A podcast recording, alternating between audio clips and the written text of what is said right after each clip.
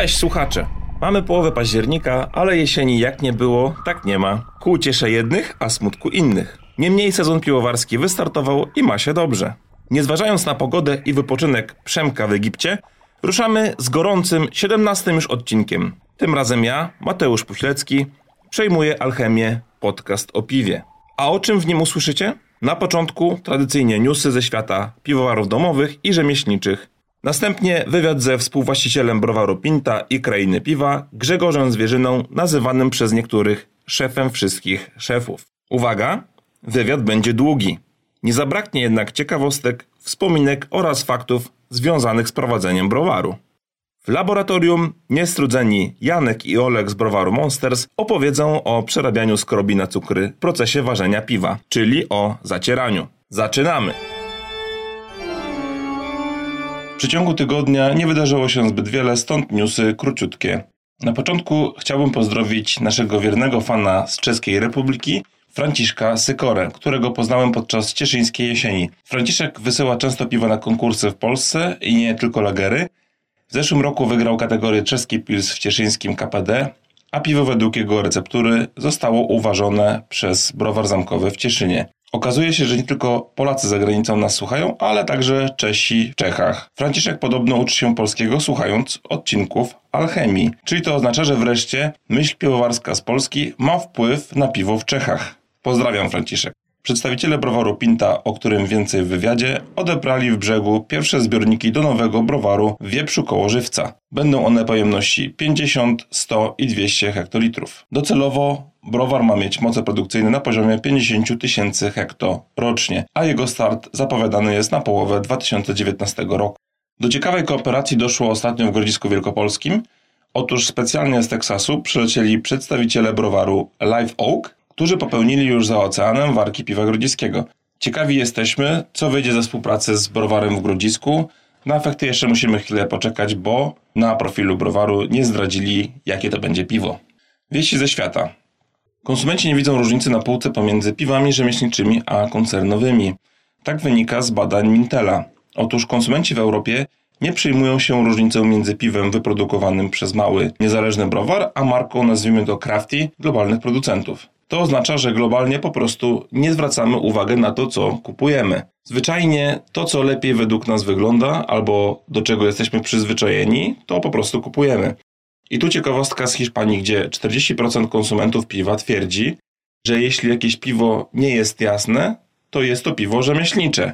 Myślę, że w Polsce bardzo podobnie to wygląda. Z badania wynika także, że osoby powyżej 18 roku życia, które w ciągu ostatnich 6 miesięcy sięgnęły po piwo, są skłonne do próbowania nowych stylów piwa, innych niż jasne lagery. W Polsce odpowiedziało tak 64% osób, we Francji 63%, we Włoszech 61%, a w Niemczech 50%. Znaczy, że chyba nie jest aż tak źle z tym młodym pokoleniem. Eksperci z Mintela dodają także, że Europejczycy są gotowi wydać więcej na piwo rzemieślnicze. Około połowa konsumentów piwa we Włoszech, Francji, Niemczech i Wielkiej Brytanii przyznaje, że piwo rzemieślnicze jest warte dodatkowych pieniędzy. Także jest dobry prognostyk także i w Polsce na sprzedaż piwa rzemieślniczego. Puby.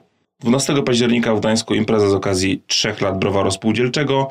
Także 12 października czwarte urodziny pubu Beczka na warszawskim Ursynowie oraz 26, 7 i 8 października drugie urodziny Morza Piwa w Gdyni. Konkursy. Podczas poznańskich targów piwnych odbędą się wybory kraftu roku. Jeśli chodzi o piwo domowe, zakończyła się rejestracja piw na piwo domowe. Zakończyła się rejestracja piw na warszawski konkurs piw domowych 2018 imienia Wojtka Trzesińskiego. Mamy dwa rekordy zgłoszeń w historii WKPD, bo to aż 350 zgłoszeń oraz na jedną kategorię, czyli Black IPA Single Hop, gdzie mamy aż 104 zgłoszenia. To jest stan na 11 października na godzinę 21. Nie udało się pobić rekordu zgłoszeń na jedną kategorię w historii konkursów piw domowych w Polsce. Otóż dalej Berło zwycięzcy dzierży, uwaga, Cascadian Dark Ale, czyli praktycznie ten sam styl e, z konkursu piw domowych w Żywcu i Cieszynie, który odbył się w 2014 roku. Otóż tam było aż 114 zgłoszeń, a konkurs w ogóle rekordowy, bo ponad 720 zgłoszeń w 10 kategoriach. Spieszę także z informacją, iż w tym roku Grand Prix WKPD pomoże nam wybrać jedna z legend piwnej rewolucji w USA – Steve Dressler przez ponad 34 lata był głównym piwowarem kalifornijskiego browaru Sierra Nevada. W tym czasie był odpowiedzialny za tworzenie nowych receptur, nowych piw, wśród nich m.in. pierwszego nowożytnego piwa na tzw. Tak mokrym chmielu, czyli szyszce świeżo zebranej z plantacji i wrzuconej do kotła bez żadnej obróbki. W czasie jego kariery browar Sierra Nevada zdobył 8 nagród i aż 31 medali na World Beer Cup, czyli największym konkursie piw na świecie. W listopadzie odbędzie się poznański konkurs piw domowych i pomorski KPD, a w grudniu mikołajkowy i gwiazdkowy, na który ruszyła właśnie rejestracja. Festiwale i imprezy. Warszawski Festiwal Piwa odbędzie się między 25 a 27 października, a tam o godzinie 20 w piątek ogłoszenie wyników wspomnianego już WKPD. Serdecznie zapraszam na trybunę VIP. Zapraszam także na stoisko Motu, gdzie odbędzie się pokaz ważenia piwa, prezentacja sprzętu oraz wiele ciekawych rozmów na temat piwa domowego i nie tylko. 9-10 listopada wspomniane już poznańskie targi piwne, a między 23 a 24 listopada odbędą się czwarte lubelskie targi piw rzemieślniczych. A tak przy okazji, 1 listopada obchodzimy International Stout Day, czyli Dzień Stoutu. To najbardziej znany ciemny styl na świecie.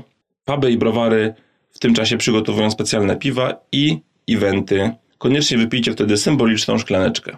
Jeśli chcielibyście, aby informacja o Waszej imprezie znalazła się w newsach, napiszcie do nas na alchemia.podcast.gmail.com To wszystko ode mnie w newsach dzisiaj. Dziękuję i do usłyszenia. Cześć, wyjątkowo dzisiaj ja, czyli Mateusz, zastępuję Przemka w jego części Alchemii. Witam Was w cieszyńskiej piwnej jesieni w browarze zamkowym w Cieszynie, która kiedyś nazywała się Bracką Jesienią.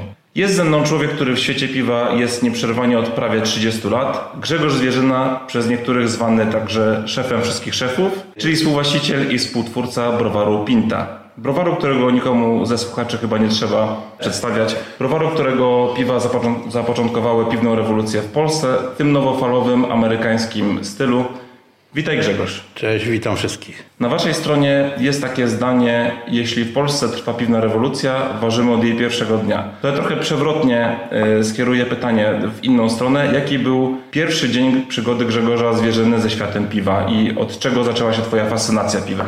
Pierwszego dnia takiego dokładnie nie, pewnie nie pamiętam, ale takim jakimś przełomowym momentem, który pamiętam z kolei doskonale, to był dzień pierwszego zwiedzania browaru w moim życiu. Się łatwo domyśleć, chodzi o browar żywiecki, no bo pochodzę z Żywca. Trafiłem tam dzięki uprzejmości mamy mojego przyjaciela ze szkoły, która wiedząc o naszej wielkiej pasji do piwa, czyli jej syna i mojej, zaprosiła nas, pełniła na funkcję kierownika działu administracji w browarze. No i tak trafiliśmy do tego browaru. Na nasze szczęście, na jej nieszczęście zostawiła nas na dłużej w piwnicy leżakowej, bo wtedy jeszcze nie było tam kofermentatorów, tylko piwo fermentowało w otwartych kadziach, leżakowało w piwnicach. No i tam się tak na maksa z kumplem zrobiliśmy i, i chyba tego momentu trzeba zakładać, że to zaczęła się ta moja przygoda z piwem, aczkolwiek no, nie ograniczała się tylko do samej konsumpcji, bo to poszło szerzej, no ale o tym może później. No właśnie, bo ty y, chyba na początku byłeś birofilem, czyli zbierałeś i kolekcjonowałeś etykiety, kapsle, co jeszcze, co jeszcze birofile zbierają? Birofile to zbierają praktycznie wszystko, co związane z piwem. Można mieć naprawdę niezłe różne krzywienia na tym punkcie. Faktycznie tak było. Ja zacząłem od kolekcjonerstwa. W moim przypadku bardzo szybko poszło to w kierunku zaciekawienia się całą historią piwowarstwa i na tym jakby skupiałem się najbardziej. Przebywając w browarze żywieckim, jednak, co by nie mówić, przesiąkniętym bardzo ciekawą, interesującą historią, browarze cieszyńskim, browarze bielskim już nieistniejącym. Byłem skazany na kontakt z takimi różnymi artefaktami, historiami i po prostu no, wzięło mnie to na tyle mocno, że zacząłem zgłębiać historię, czytać dużo na ten temat, a później krok dalej i poznałem jeszcze moje, takiego mojego serdecznego przyjaciela Adama Spyrę, historyka przemysłu gospodarczego i razem z Adamem udało się nam pracować kilka książek na temat historii browaru żywieckiego. No, mój wkład tam dotyczył głównie jakby tej części związanej e, z samą produkcją, z opakowaniami, e, z tym jak one ewoluowały, jak się zmieniały, ale to była ta wspólna praca i dawała nam wielką satysfakcję. Także faktycznie początki od kolekcjonerstwa, no i tak to ewoluowało.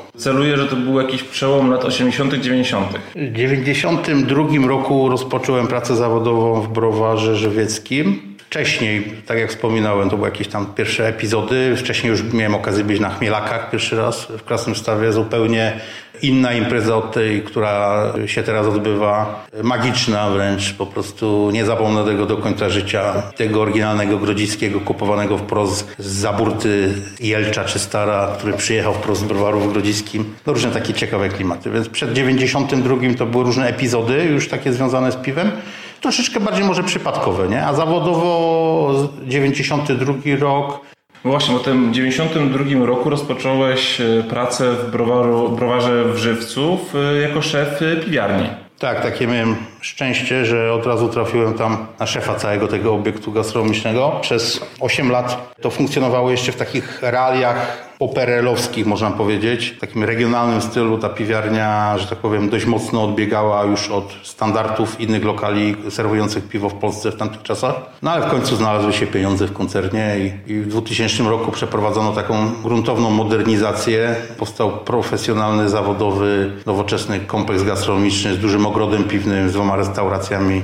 Powiększono piwiarnię, Później dorobiliśmy się jeszcze dużego ogródka w rynku żywieckim, prowadziliśmy ogródek zimowy w Korbielowie, e, organizowaliśmy wiele imprez, także to, to, to był kombinat gastronomiczny, można powiedzieć. To nie, tam, nie można na to patrzeć przez pryzmat jakiegoś tam lokalu, który sprzedaje piwo, tylko to, to było coś znacznie więcej. No właśnie i, i po tym jak y, zacząłeś nadzorować ten lokal, piwiarnię, przyszedł czas y, spotkania birofilskich, bo y, Międzynarodowa Giełda Birofilów rozpoczęła się w 1996 roku. Tak. I to było związane z jakimś jubileuszem browaru. I pytanie, czy to było właśnie Twój pomysł? Jak zaczęła się w ogóle birofilia? To było 140-lecie browaru. Już mieliśmy na koncie wydane te książki z Adamem Sperą na, na temat historii browaru. A impuls... one, są, przepraszam, one są w ogóle jeszcze gdzieś dostępne? No jeszcze można je w jakimś tam drugim obiegu kupić na Allegro bez problemu. Można jeszcze nabyć. W 96 spotkałem się z panem Władysławem Gawlińskim, bardzo ważną postacią,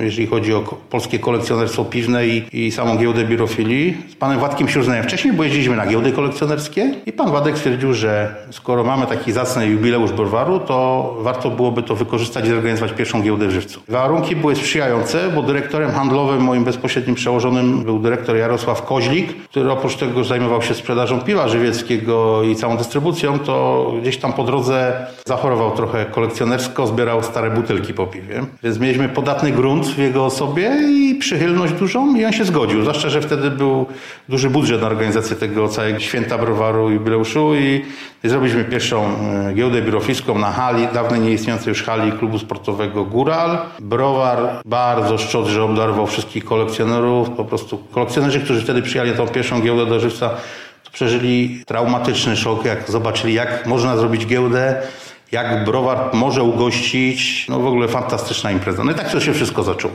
Wracając do lat 90., nasuwa mi się pytanie, które też e, kiedyś zadałem Andrzejowi Sadownikowi, bo dla mnie z perspektywy osoby, która przysłowiowo powiedzmy w latach 90. na chleb mówiła beb, nie, nie wiem zupełnie, jak wyglądało piwowarstwo domowe w latach 90. i później w 2000. Czy ty pamiętasz ten rozwój w latach 90., od, od czego zaczynali pierwsi piwowarzy domowi? Pamiętam, bo te pierwsze imprezy piwne to miały miejsce w piwiarni, pierwsze konkursy. I pamiętam, jak dzisiaj mam przed oczami zaplecze w piwiarni, gdzie były zgromadzone wszystkie próbki. Jeszcze było wtedy ich na tyle niedużo, że temat ogarniał Ziemek bezpośrednio tam y, w jakimś swoim wąskim gronie. No ale początki były trudne na pewno, bo pamiętam, że zawsze po tych ocenach część tych próbek zostawała, no i byliśmy nimi obdarowywani. To powiem tak, te piwa, w większości piwa nie przypominały wtedy. No, trzeba było mieć duże szczęście, żeby trafić naprawdę na, na coś o dobrym poziomie, bez jakichś wad. To były te pierwsze edycje. Kolei trzeba podkreślić, że jakby poziom bardzo szybko rósł. Bo to nie tak, że przez ileś tam lat ciągnął się taki słaby poziom tych piw zgłaszanych do konkursu piw domowych, tylko to dynamicznie się dość mocno e, poprawiało i, i przybywało próbek, jakoś, jakoś piwa rosła. Ale początki były faktycznie trudne. No myślę, że to było związane jakby z brakiem też dostępu do informacji, do receptur, do odpowiednich surowców. Pewnie część piwowarów trochę działała po omacku, ale no był to taki autentyczny ruch. Nikomu nawet do głowy nie przyszło, że kiedyś tą swoją pasję, hobby może ona zmienić się w jakiś tam sposób na życie, biznes, zarabianie pieniędzy. To, to była po prostu przygoda. No właśnie, płynnie przechodząc do tego zarabiania pieniędzy na, na piwie, powiedzmy to wprost, Wiele browarów współcześnie odwołuje się do festiwalu Birofilia. Na czym polegał jego fenomen? Dlaczego wielu browarów rzemieślniczych odwołuje się w swojej historii do, browaru, do festiwalu Birofilia? Bardzo szerokie, szeroki temat. Można byłoby długo na ten temat i wielowątkowo mówić. Jeżeli się przyjmuje, że początkiem polskiego kraftu to było uważenie ataku chmielu przez nas, czy, czy rok wcześniej uważenie Ala Grodzickiego na Grodzkiej w Lublinie, musi być jakaś taka jedna data, która, jakiś jeden moment, od którego to się zaczyna i, i on może jest najbardziej charakterystyczny i, i tak było i jest i będzie. To był jednak bardzo złożony proces, żeby doszło do wejścia w browarze, do zawierciu uważenia ataku chmielu, czy wcześniej Ala Grodzickiego, musiało się wiele rzeczy po drodze wydarzyć. I te wszystkie rzeczy, czy większość tych rzeczy, może nie wszystkie, ale większość tych rzeczy y, działa się właśnie w żywcu na birofilii. Bo tam wszyscy najbardziej znani piwowarzy, którzy teraz prowadzą swoje dobrze prosperujące, znane w Polsce i za granicą browary rzemieślnicze, pierwsze kroki stawiali na birofilię. Swoje to pre... bardziej hobbystycznie. Oczywiście, że hobbystycznie, zdecydowanie. Jacek Materski, Tomek Rogaczewski, Piotrek Wypych. Można byłoby ich liczyć, liczyć, liczyć. Mentorem całego ruchu był Andrzej Sadownik, który przecież jako pierwszy przywiózł całą wiedzę ze Stanów, wiedzę ze Stanów i zaczął ją zaszczepiać w Polsce. On był tym szefem jury, więc tam się to wszystko wykuwało. Później jak giełda kolekcjonerska i festiwal piwowarów domowych zaczęła ewoluować w stronę festiwalu Birofilia, pierwsze polskie browary rzemieślnicze miały premiery albo na festiwalu dobrego piwa w Leśnicy we Wrocławiu, Albo właśnie na birofiliach w Żywcu. Na birofiliach w Żywcu startował artezan, pracownia piwa. Tam się naprawdę najwięcej działo. Dodatkowo no, z birofilii pochodzi, wywodzi się Grand Champion, który uważam, że można powiedzieć był takim jakby że nie protoplastą, ale też jednym z ważnych elementów, który zapoczątkował to powstanie piwowarstwa rzemieślniczego w Polsce. Te wszystkie różne wydarzenia e, do kupy spowodowały, że e, w ocenie takiej historycznej, już no bo festiwalu nie ma, to ten festiwal Birofilia był tak istotny. Oprócz tego jeszcze trzeba podkreślić jego niesamowitą atmosferę, lokalizację w browarze, y, wielowątkowy scenariusz, bo, bo to nie była tylko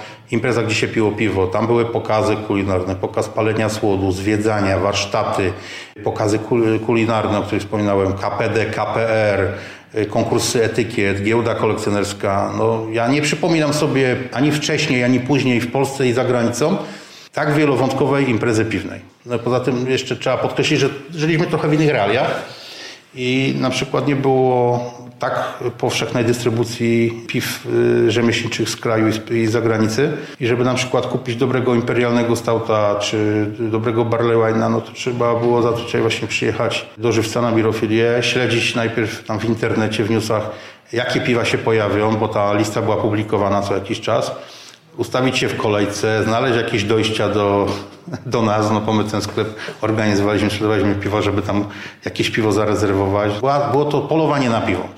Teraz już tego nie trzeba robić, teraz dostępność jest łatwa. No więc troszeczkę jakby inne realia, w których ten festiwal wtedy y, był organizowany, się odbywał, też miały na to wpływ. Była chyba taka fajna e, platforma wymiany wiedzy i doświadczeń piwowarów. Oczywiście był wtedy internet i można było sobie na albo Browarbizie, albo na e, chyba już Piwor. później Piworgu tak, wy, wy, wymieniać się wiedzą, ale ja z własnego doświadczenia wiem, nawet organizując spotkania do piwowarów domowych, że jednak ta wiedza bezpośrednia, spotkanie z innymi piwowarami wymiana doświadczeń, wymiana swoich piw, ocena wzajemna piw zawsze jest o wiele bardziej przydatna i pozytywna dla późniejszego warsztatu, warsztatu piwowara niż yy, wiedza z internetu.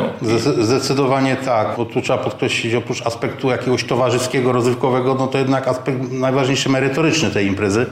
Choćby nawet sama weryfikacja tych piw yy, przez profesjonalne jury gdzie przyjeżdżali znani piwowarzy, którzy zjedli zęby na piwie ze Stanów Zjednoczonych, z Niemiec, z Belgii, z Wielkiej Brytanii.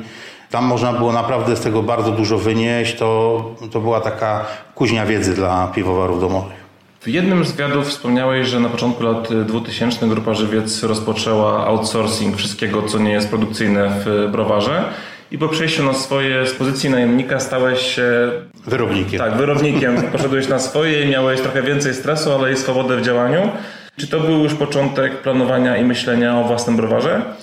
dowiedziałem się o tym, że będę musiał jednak y, żyć w innych realiach, pracować, prowadzić firmę zarządzaną i zależną przede wszystkim ode mnie, no to na początku to był szok, no bo człowiek był przyzwyczajony jednak do tego, że dziesiątego zawsze pensja na koncie, różne świadczenia, szkolenia, w ogóle fajne życie w korpo, wtedy tak to wyglądało, teraz troszeczkę inaczej. Tu nagle okazało się, że trzeba się zmierzyć z rzeczywistością i prowadzić interes, zarządzać grupą 30 e, prawie ludzi i dawać jakoś rady. Ale z drugiej strony strach się przerodził w taki entuzjazm, euforię wręcz. Zrozumiałem, że przede wszystkim teraz już ode mnie wszystko tylko zależne. Jakbym włożył mózg pod prysznic i wyprał go ze, wszystko, ze wszystkiego, co złe, co było po drodze. Nie mówię, że wszystko, co było po drodze, było złe, bo ja nie powiem złego słowa na grupę Żywiec, bo wspaniałe lata tam spędziłem, nauczyłem się wielu wspaniałych rzeczy, poznałem wspaniałych ludzi. To jakby pozwoliło mi kontynuować moją tą ścieżkę zawodową w piwie, e, ale e, to chodziło o takie mentalne podejście, brak ograniczeń. Jakby to uwolnienie myśli spowodowało różne reakcje w moim przypadku. Jedną z nich to właśnie było to, że człowiek zaczął bardziej odważnie myśleć o różnych aspektach tego biznesu, który prowadził, że to przecież nie musi być tylko sprzedaż i dystrybucja piwa żywieckiego na miejscu w browarze i na jakichś eventach, ale tu, że świat się rozwija, że to piwowarstwo się zmienia na całym świecie. Trzeba zrobić ten krok do przodu i, no i to właśnie uwolnienie myśli spowodowało, że stałem się otwarty na takie pomysły. Nigdy nie miałem problemu z podejmowaniem decyzji odważnych, czasami karkołomnych. Krótko po tym, jak e, zacząłem prowadzić prywatnie, już prowadzić prywatnie piwernię żywiecką, e, no doszło do pierwszej właśnie tej warki historycznej e, Grodziskiego, Ala Grodziskiego, no i później do powstania Pinty. W 2010 roku powstała firma, którą stworzyłeś razem z Markiem Semlą. Zaczęliście pod własnym szyldem importować i sprzedawać piwo, czyli kraina piwa. Czym, czym zatem jest kraina piwa?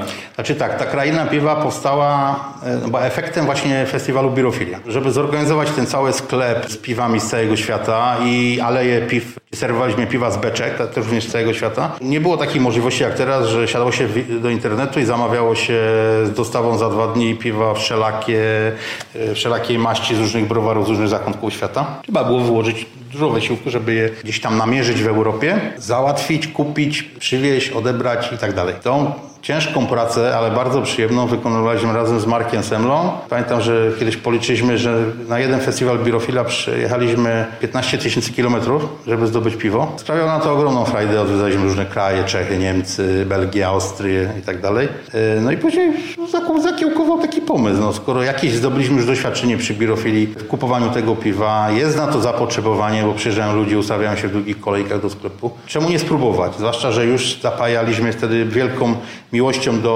frankońskiego piwowarstwa, bo mieliśmy okazję odwiedzić Bamberg. Zakochaliśmy się w klimacie bamberskich browarów, kultury piwnej, tradycji. Stwierdziliśmy, że od tego właśnie zaczniemy, bo to jeszcze był czas przed kraftami. To był właśnie czas, gdzie głównie pijało się piwa czeskie, niemieckie i belgijskie. My stwierdziliśmy, że z racji tej, że mentalnie najbliżej nam właśnie do tych piw niemieckich z Bambergu, no to tak też zrobimy. Założyliśmy firmę, Zarejestrowaliśmy działalność i przywieźliśmy pierwsze piwo z Bambergu jako kraina piwa.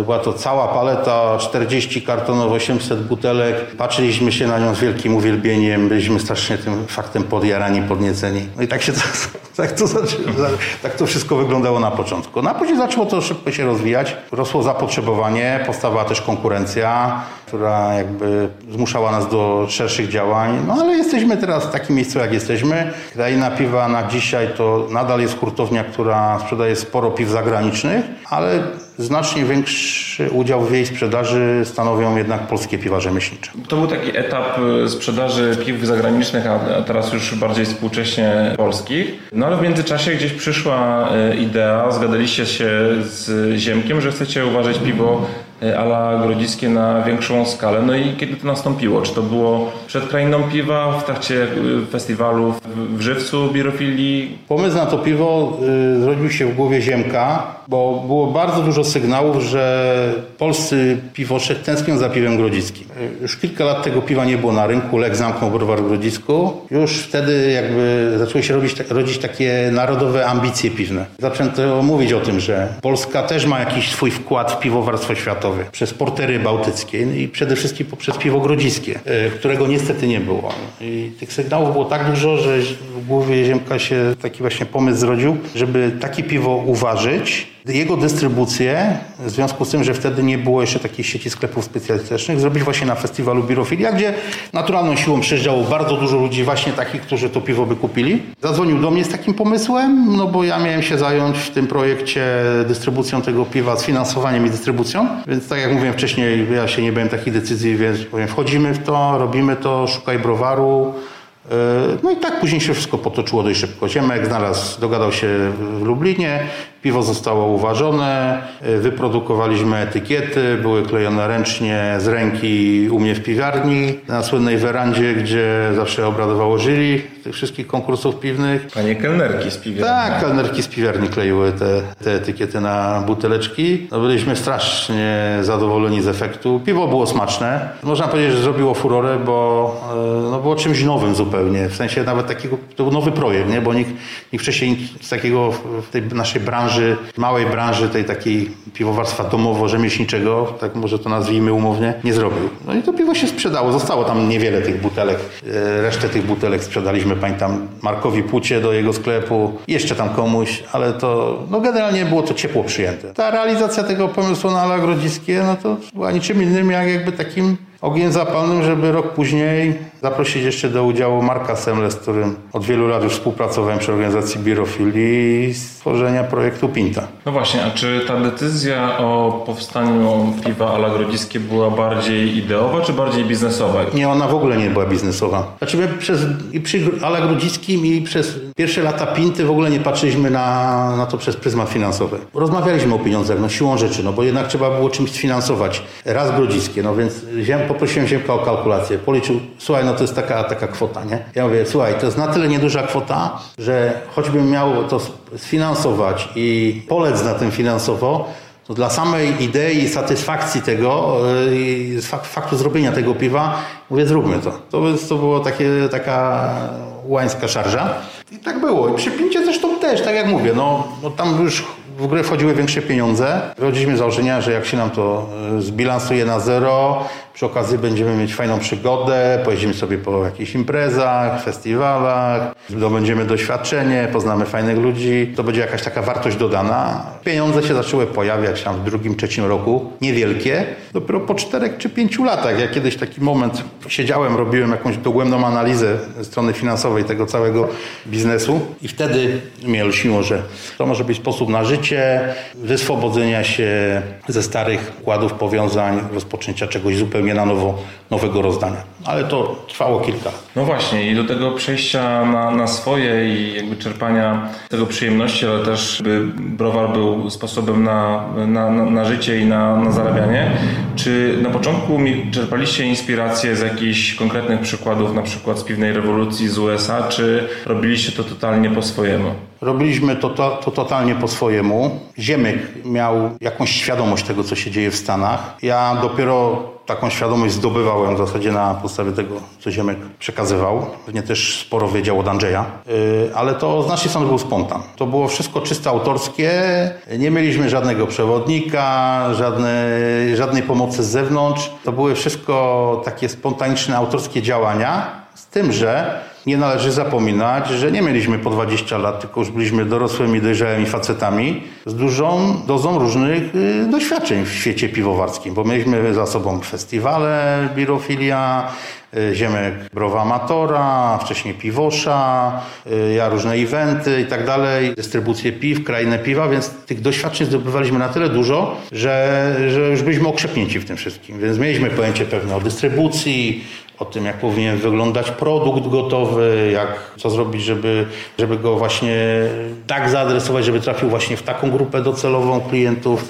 Więc jakieś doświadczenie mieliśmy i to pewnie zaprocentowało. Zresztą to na przykład widać, bo w pierwszym roku no to były te nasze słynne, śmieszne etykiety, pinty. Pewnie teraz młode pokolenie to już nie, nawet nie, nie wie, jak to wyglądało, no ale wtedy to było dość głośne. Ale dość szybko zrezygnowaliśmy z tych etykiet, chociaż mieliśmy do nich sentyment, bo wiedzieliśmy, że To było e, fajne i zabawne w pierwszym roku działalności, ale projekt nabrał rozpędu, piwo się zaczęło świetnie sprzedawać, hurtownie zaczęły dzwonić i prosić o piwo, plus różne informacje, jakie nam schodziły z powrotem z rynku.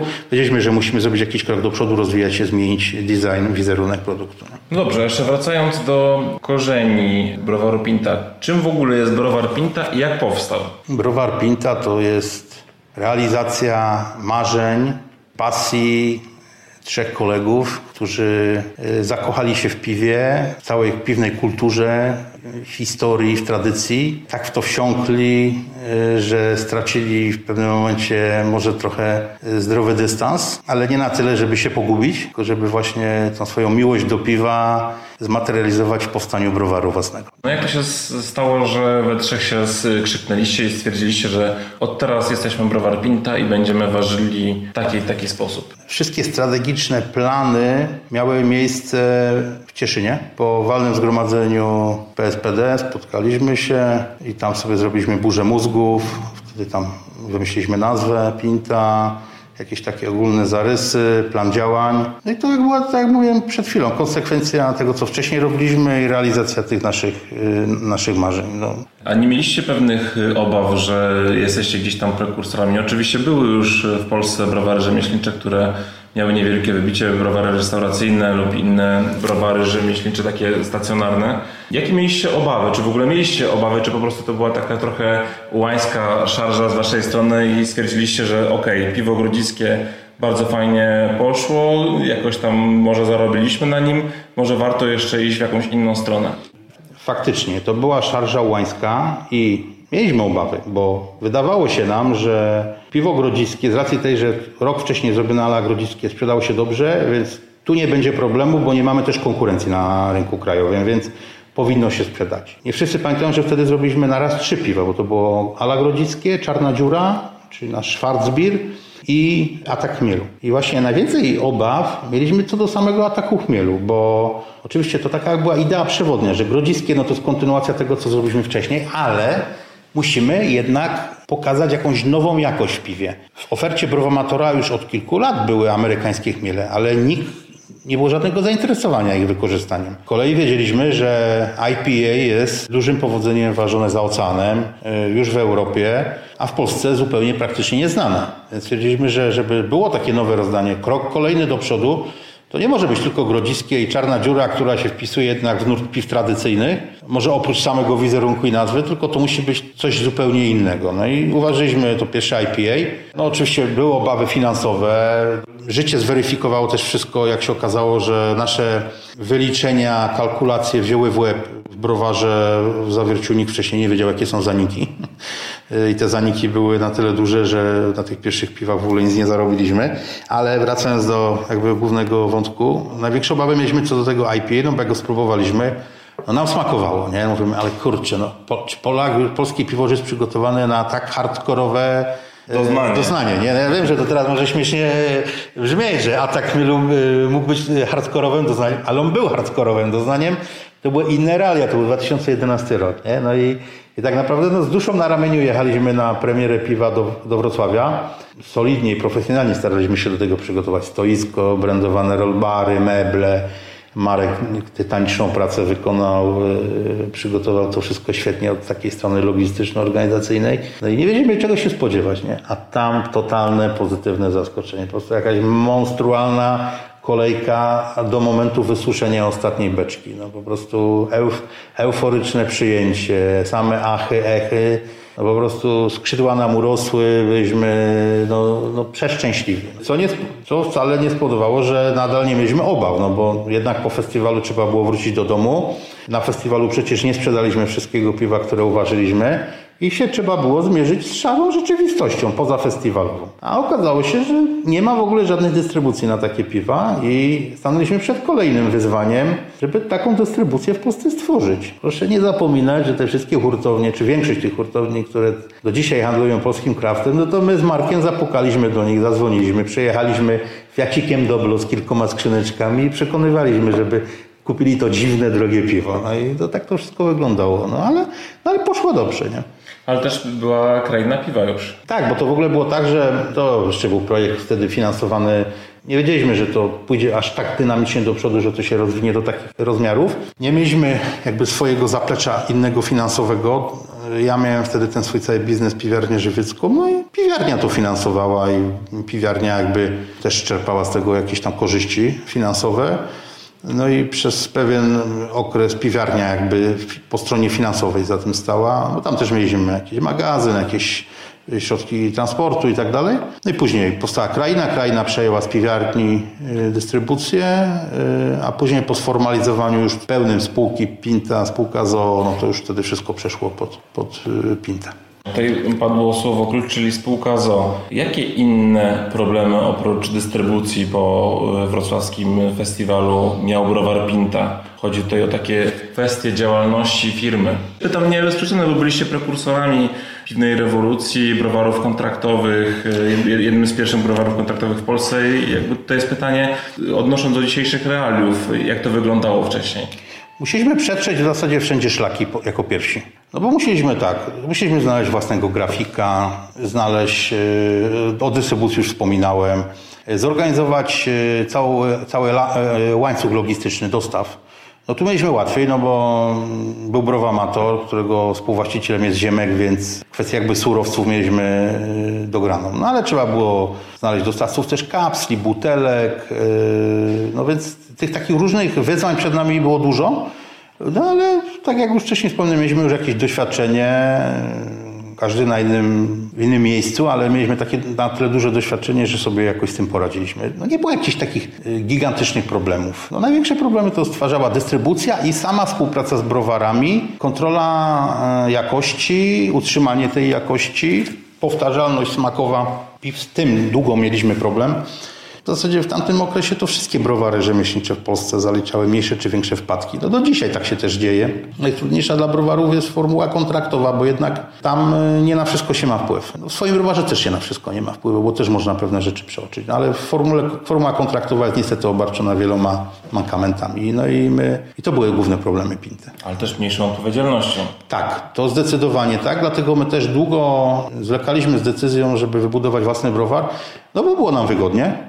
Biznes się kręcił, piwo się bardzo dobrze sprzedawało, były pierwsze zyski, a nie musieliśmy iść po kredyt do banku, nie musieliśmy jednak podejmować tej, tej odważnej, bardzo trudnej decyzji o budowie własnego browaru, zaangażowaniu finansowym, kredytowym i tak dalej. No ale jak w pewnym momencie zobaczyliśmy, jaka to jest skala, ile my zostawiamy pieniędzy tych browarach, w których kontraktujemy produkcję. Poza tym jakby te negatywne różne doświadczenia, więc powodowało wszystko do kupy, że no, zdecydowaliśmy o budowie własnego zakładu. Ale jeszcze zanim o nowym, e, nowym stacjonarnym browarze, czy podczas waszej działalności zaliczyliście jakąś wtopę sprzedażową, może jakieś piwo po prostu się nie sprzedało i żałowaliście, że ono w ogóle powstało? Dwa, może trzy razy była taka sytuacja, że przeszarżowaliśmy z ilością danego piwa. Było to tak, że piwo się generalnie dobrze sprzedawało, może nie było jakimś super hitem sprzedażowym, ale sprzedawało się zupełnie przyzwoicie, z tym, że popełniliśmy proste błędy w planowaniu. Odstęp między jedną a drugą warką tego piwa był za mały, co spowodowało, że rynek już nie był w stanie wchłonąć tak dużej ilości, bo jednak zawsze te nasze warki były dość duże, bo to było tam około 100 hektolitrów prawie yy, jednorazowo. Takie zaliczyliśmy, yy, ale to nie było jakieś spektakularne wtopy, że tam popłynęliśmy na jakieś grube pieniądze, że musieliśmy utylizować jakieś straszne ilości piwa. No musieliśmy tam zagryźć zęby i przełknąć gorzką pigułkę, ale to też jest wiesz, ważna nauka, bo człowiek wtedy uczy się lepiej planować, yy, bardziej perspektywicznie na to wszystko patrzeć. No mieliśmy też taki przykład, że tam jakieś piwo wyszło na tyle źle, że no nie mogliśmy go jednak przeznaczyć do dystrybucji, bo nie spełniało wszelkich norm, więc musieliśmy go tam zutylizować. A zdradzisz, jakie to były piwa? Mieliśmy taki problem z za dużą ilością e, raz piwa Senepa IPA, czyli Bire de Garde, które w ogóle to piwo, jak wyprodukowaliśmy je po raz pierwszy w pierwszym i drugim roku działalności, się świetnie sprzedawało. Tylko później, jak kontynuowaliśmy jego produkcję, no to i realia się zmieniły, bo powstało dużo nowych browarów, konkurencja była duża i no już nie każde piwo się sprzedawało tylko dlatego, że było wyprodukowane w browarze rzemieślniczym, tylko no już po prostu klienci bardziej tak racjonalnie szukali, więc to było takie piwo, które tam później zrezygnowaliśmy z jego produkcji i mieliśmy problem tam ze sprzedażą jakiejś tam ilości i raz jakąś właśnie przeszarżowaliśmy też z ilością produkcji grodziskiego. To były takie dwa przykłady. Raz mieliśmy wpadkę jakościową, no, nie spowodowaną przez nas. To nie jest to może teraz miejsce, żeby tam szukać winnych, nie? bo to już było dawno temu.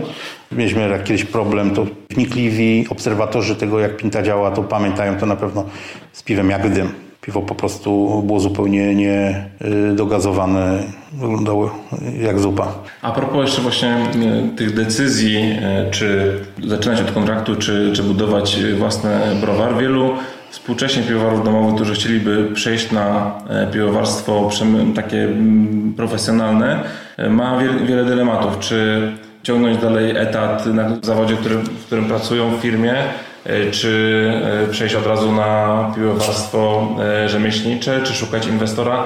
Teraz jest o wiele więcej możliwości niż jak wy startowaliście. A co byś ty doradził takim osobom, które mają dylemat?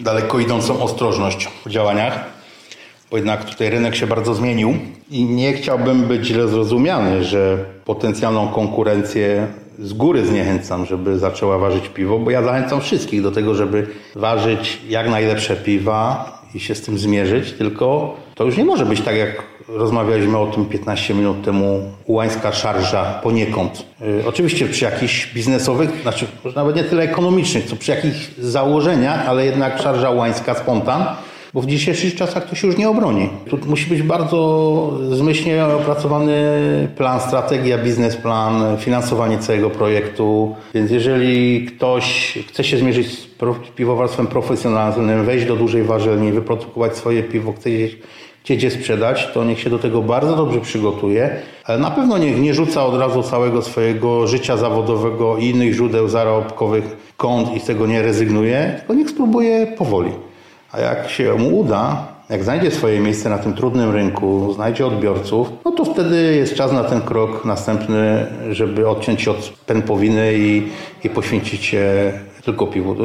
Wielu y, ludzi, którzy teraz prowadzą bardzo znane browary rzemieślnicze w Polsce, długo ciągnęło, czy nawet jeszcze nadal ciągną jakieś drugie etaty, bo nie zawsze przy małej czy średniej skali jest to na tyle dobry interes, który mógłby tą osobę ustawić finansowo, dać taką, peł- dać taką pełną gwarancję bezpieczeństwo y, finansowe, więc no tutaj Duża ostrożność. zalecam dużą ostrożność i, i przede wszystkim pełny profesjonalizm. To musi być wsparcie y, ludzi znających się na marketingu, na dystrybucji. Jest bardzo dużo dobrych piw na rynku, których po prostu ich producenci nie potrafią sprzedać. Browar stacjonarny koło Żywca w Wieprzu, dokładnie tak. Tak, w Wieprzu koło Żywca. Skąd taka decyzja i czy nie lepiej właśnie było pozostać na kontraktach? Policzyliśmy, ile milionów gdzieś tam zostaje po drodze u pośredników, choć wcale nie wykluczamy, że po otwarciu własnego browaru jeszcze ciągle będziemy część piw robić w formule kontraktowej, o czym z góry lojalnie poinformowaliśmy naszych partnerów, czyli Zawiercie i Zarzecze. Ale dojrzeliśmy do tej decyzji, że trzeba iść krok dalej, bo widzimy dużo różnych możliwości, z których nie, których nie możemy wykorzystać w tej formule kontraktowej. Mamy masę różnych ciekawych pomysłów na poszerzenie asortymentu tego, co będziemy ważyć i nie tylko ważyć, bo mamy też pomysły na inne produkty, na całą gamę produktów. Na przykład marki. No, nie chciałbym tu za dużo zdradzać, może jakiś jeden wątek za chwilę przemycę, więc to wszystko spowodowało, że no, to była naturalna decyzja, że musimy mieć własny browar. Musimy mieć pełną swobodę działania, musimy się rozwijać, musimy zatrudnić młodych, ambitnych ludzi, którym damy szansę rozwoju nauki. Chcemy pracować z młodymi inter... pasjonatami piwa.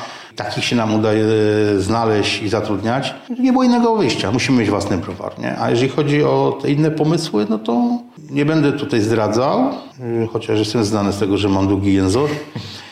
Ale mogę tylko powiedzieć, że niebawem, bo to jest kwestia najbliższych tam tygodni, miesięcy, Y, część naszych nowych planów dotyczących piwa i miodów pitnych będzie, że tak powiem, upubliczniona. Pojawi się pierwszy produkt i y, nasi klienci dowiedzą się o, o kolejnych realizacjach, na których efekt finalny trzeba będzie troszeczkę poczekać, ale już to jest taki jeden z kierunków. To jest jeden z kierunków. No, no my tu nie odkrywamy Ameryki, y, bo jakby ktoś wnikliwie analizował to, co się dzieje choćby w piwowarstwie amerykańskiej, to tam widać, że yy, browary idą w cydry, idą w miody, piwa bezalkoholowe, bez chmielu, a na przykład z konopiami indyjskimi. To, to, oczywiście to jest żart troszeczkę, bo to co prawda zrobił Lagunitas, ale to już pod marką Heinekena, nie? Ale robią różne rzeczy. W Polsce duży sukces odniósł produkt Nepomucena na chmielona, tak? Możliwości są różne, ale do tego trzeba mieć własny browar.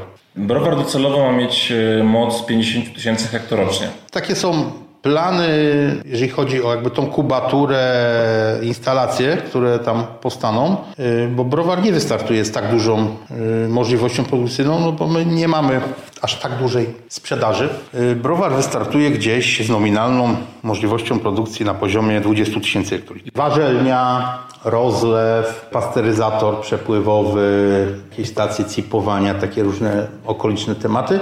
One będą już praktycznie przygotowane do tego, żeby obsłużyć większą produkcję. Tak naprawdę tam trzeba będzie tylko dokładać zbiorników fermentacyjnych, leżakowych, unitanków i, i to będzie załatwiało temat. Czy do nowego browaru, tak jak Trekraft albo inne beczki, będziecie puszczali, zapraszali kontrakty?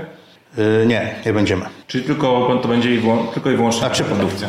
Można mówić inaczej. Nigdy że, nie mów nigdy. No dokładnie. Bo no, życie może zweryfikować. Ale generalnie idea jest taka, żeby kontraktów nie zapraszać. Mamy tak dużo różnych z kolei już na koncie współprac z browarami zagranicznymi. Przed nami jeszcze w tym roku kolejnych kilka, w przyszłym roku następne. I na pewno będziemy jakby chcieli e, zmaterializować to no, znajomość z innymi browarami zagranicznymi i zaprosić ich na rewizyty do Polski, żeby im pokazać nasz kraj, polskie piwowarstwo, zrobić z nimi wspólnie piwo, ale to już u nas Pincie. Mamy różne inne pomysły. Wydaje się nam, że jesteśmy przekonani, że te nasze pomysły pomogą, na, znaczy pozwolą na to, że nie trzeba będzie tam zapraszać browarów kontraktowych i w ten sposób się jakby ratować finansów spółki. Mamy, mamy taką ambicję, żeby sobie sami poradzić. Wielu ze słuchaczy naszego podcastu na pewno widziała projekt e, nowego browaru.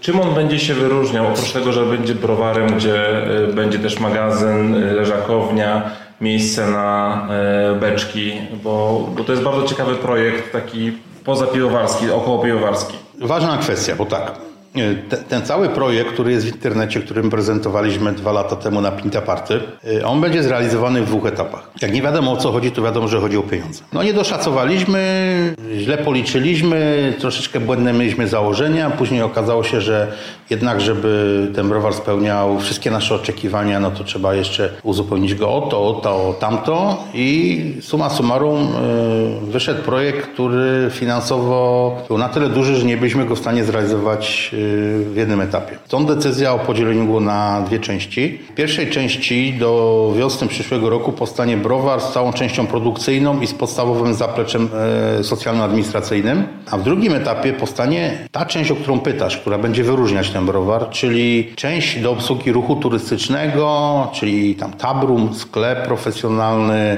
super odjechana leżakownia beczek, ogród piwny i wszystko, co jest związane z tym, żeby tam zaprosić jak najwięcej ludzi, pokazać im, czym jest piwowarstwo, czym jest piwo rzemieślnicze i ich tam edukować, ale to będzie ten drugi etap. Nie umiem powiedzieć w tym momencie, y, w jakiej perspektywie czasowej uda się nam zrealizować ten drugi projekt. Będziemy się starać i wszystko robić, żeby jak najszybciej, bo bo dopiero wtedy będziemy w pełni zadowoleni, że udało się nam zrealizować ten cały projekt. Ten browar będzie to wyróżniać, że będzie otwarty, że będzie takim miejscem e, gościny dla wszystkich zainteresowanych piwem, gdzie będziemy zapraszać na pewno piwowarów domowych, branżowe, ale nie tylko branżowe wycieczki. Każdy jeden będzie mógł tam do Pinty przyjść, zobaczyć jak się robi piwo, czym jest piwo rzemieślnicze. Oczywiście to też nie jest nic nowego, nowatorskiego, bo tak działa wiele browarów na świecie. Jeżeli chodzi o polskie browary rzemieślnicze, no to nadal takich browarów działających w takiej formule jest niewiele.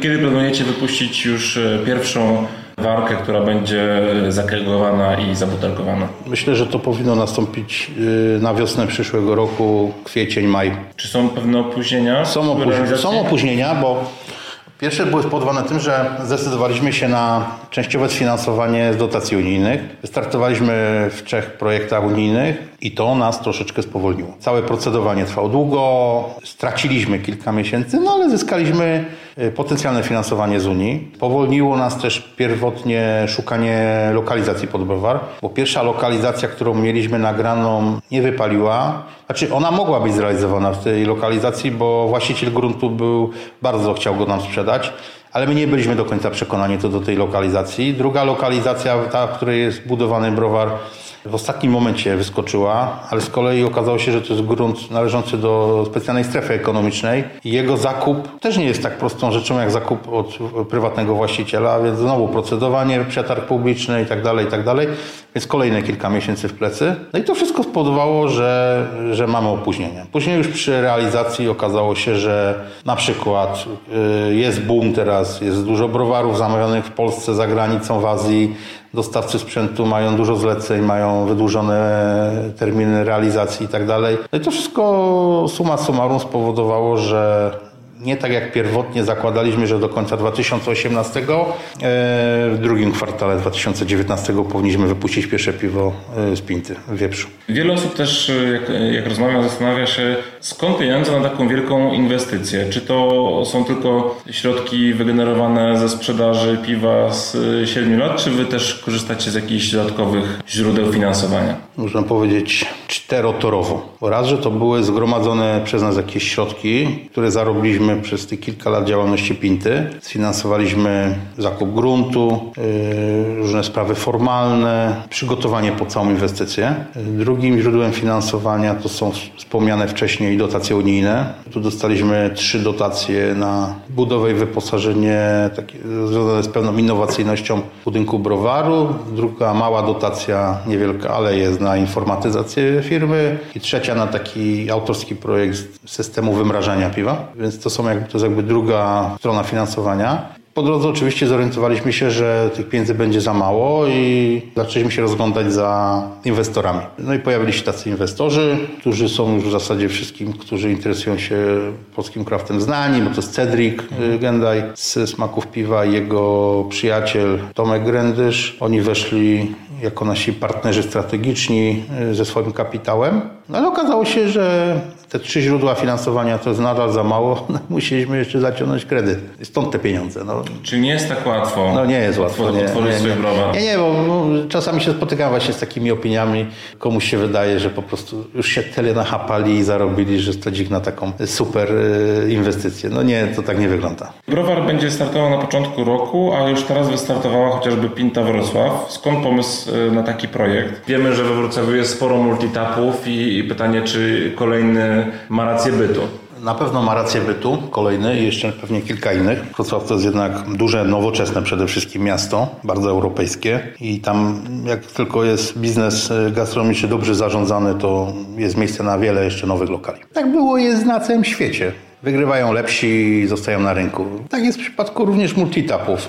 Jakby wracając do samego pytania, na pewno dywersyfikacja kanałów dystrybucji. Teraz w ogóle jesteśmy już w takim momencie, że podaż piwa przerasta popyt. Mówię o piwach kraftowych. Ciągle powstaje dużo nowych projektów piwowarskich, a klienteli tak nam nie przybywa. To się bierze z wielu różnych powodów. Jednym z powodów jest sama kwestia dystrybucji tych piw. Jesteśmy co do tego przekonani, ale najwięcej do ugrania, do zagospodarowania z Force. Detal jest dość mocno nasycony piwem. Rolę małych sklepów przejmują sieci handlowe i tutaj oczywiście są możliwości, ale nie na tyle duże jak w gastronomii. Wiemy z doświadczenia we współpracy na przykład z lokalem Viva La Pinta w Krakowie, który nie jest naszym lokalem, ale któremu użyczyliśmy marki. To był jakby pierwszy polski firmowy pub browaru rzemieślniczego.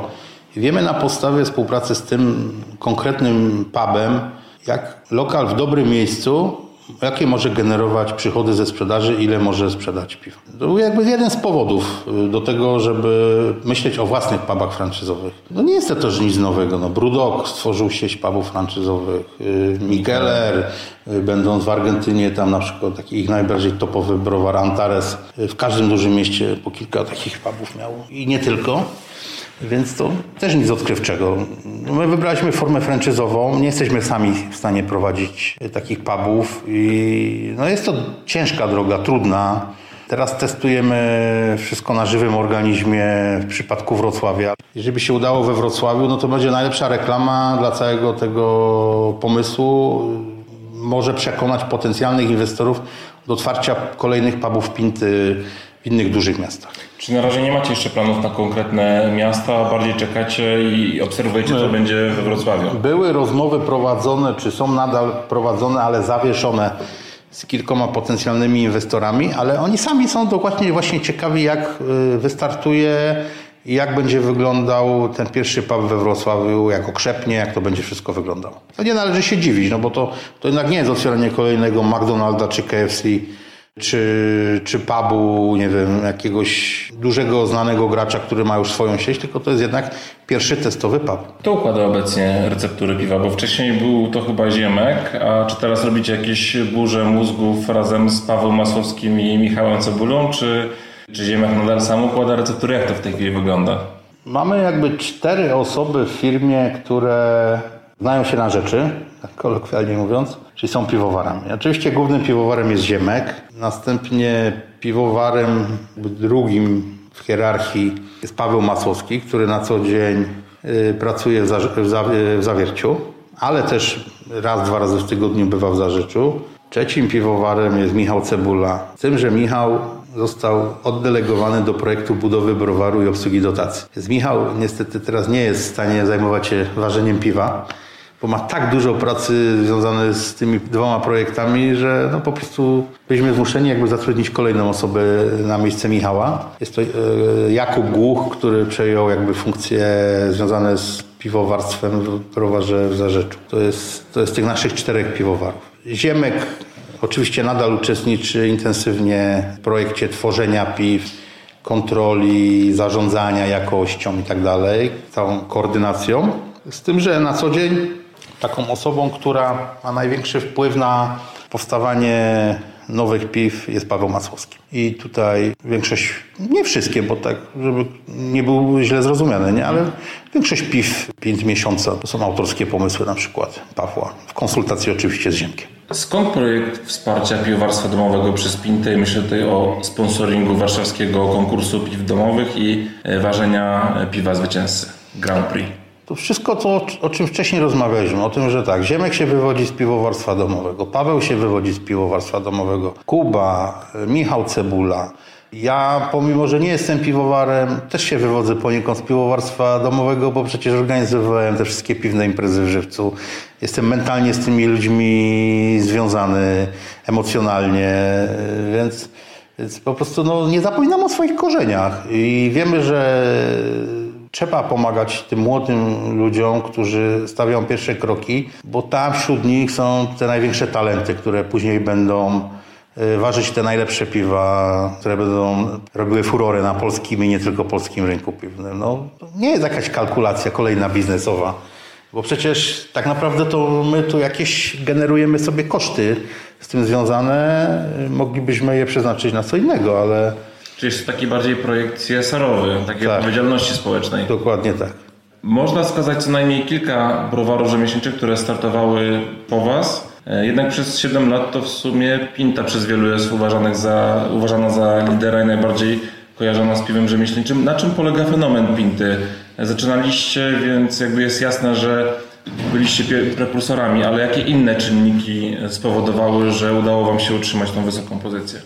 Ciężka praca. Przede wszystkim. Bo ja tutaj nie będę robił z nas jakichś super bohaterów, Batmanów czy Supermanów. My się po prostu między sobą doskonale potrafimy ciągle dogadać, pomimo wielu trudnych sytuacji y, związanych z finansami, z takim dniem codziennym i z różnymi innymi. Nie dochodziło nigdy do, między nami do jakichś napięć, do jakichś konfliktów, więc nadal potrafimy się między sobą e, porozumieć. Nasi nowi partnerzy biznesowi również, że tak powiem, wpisali się w ten cały układ, schemat.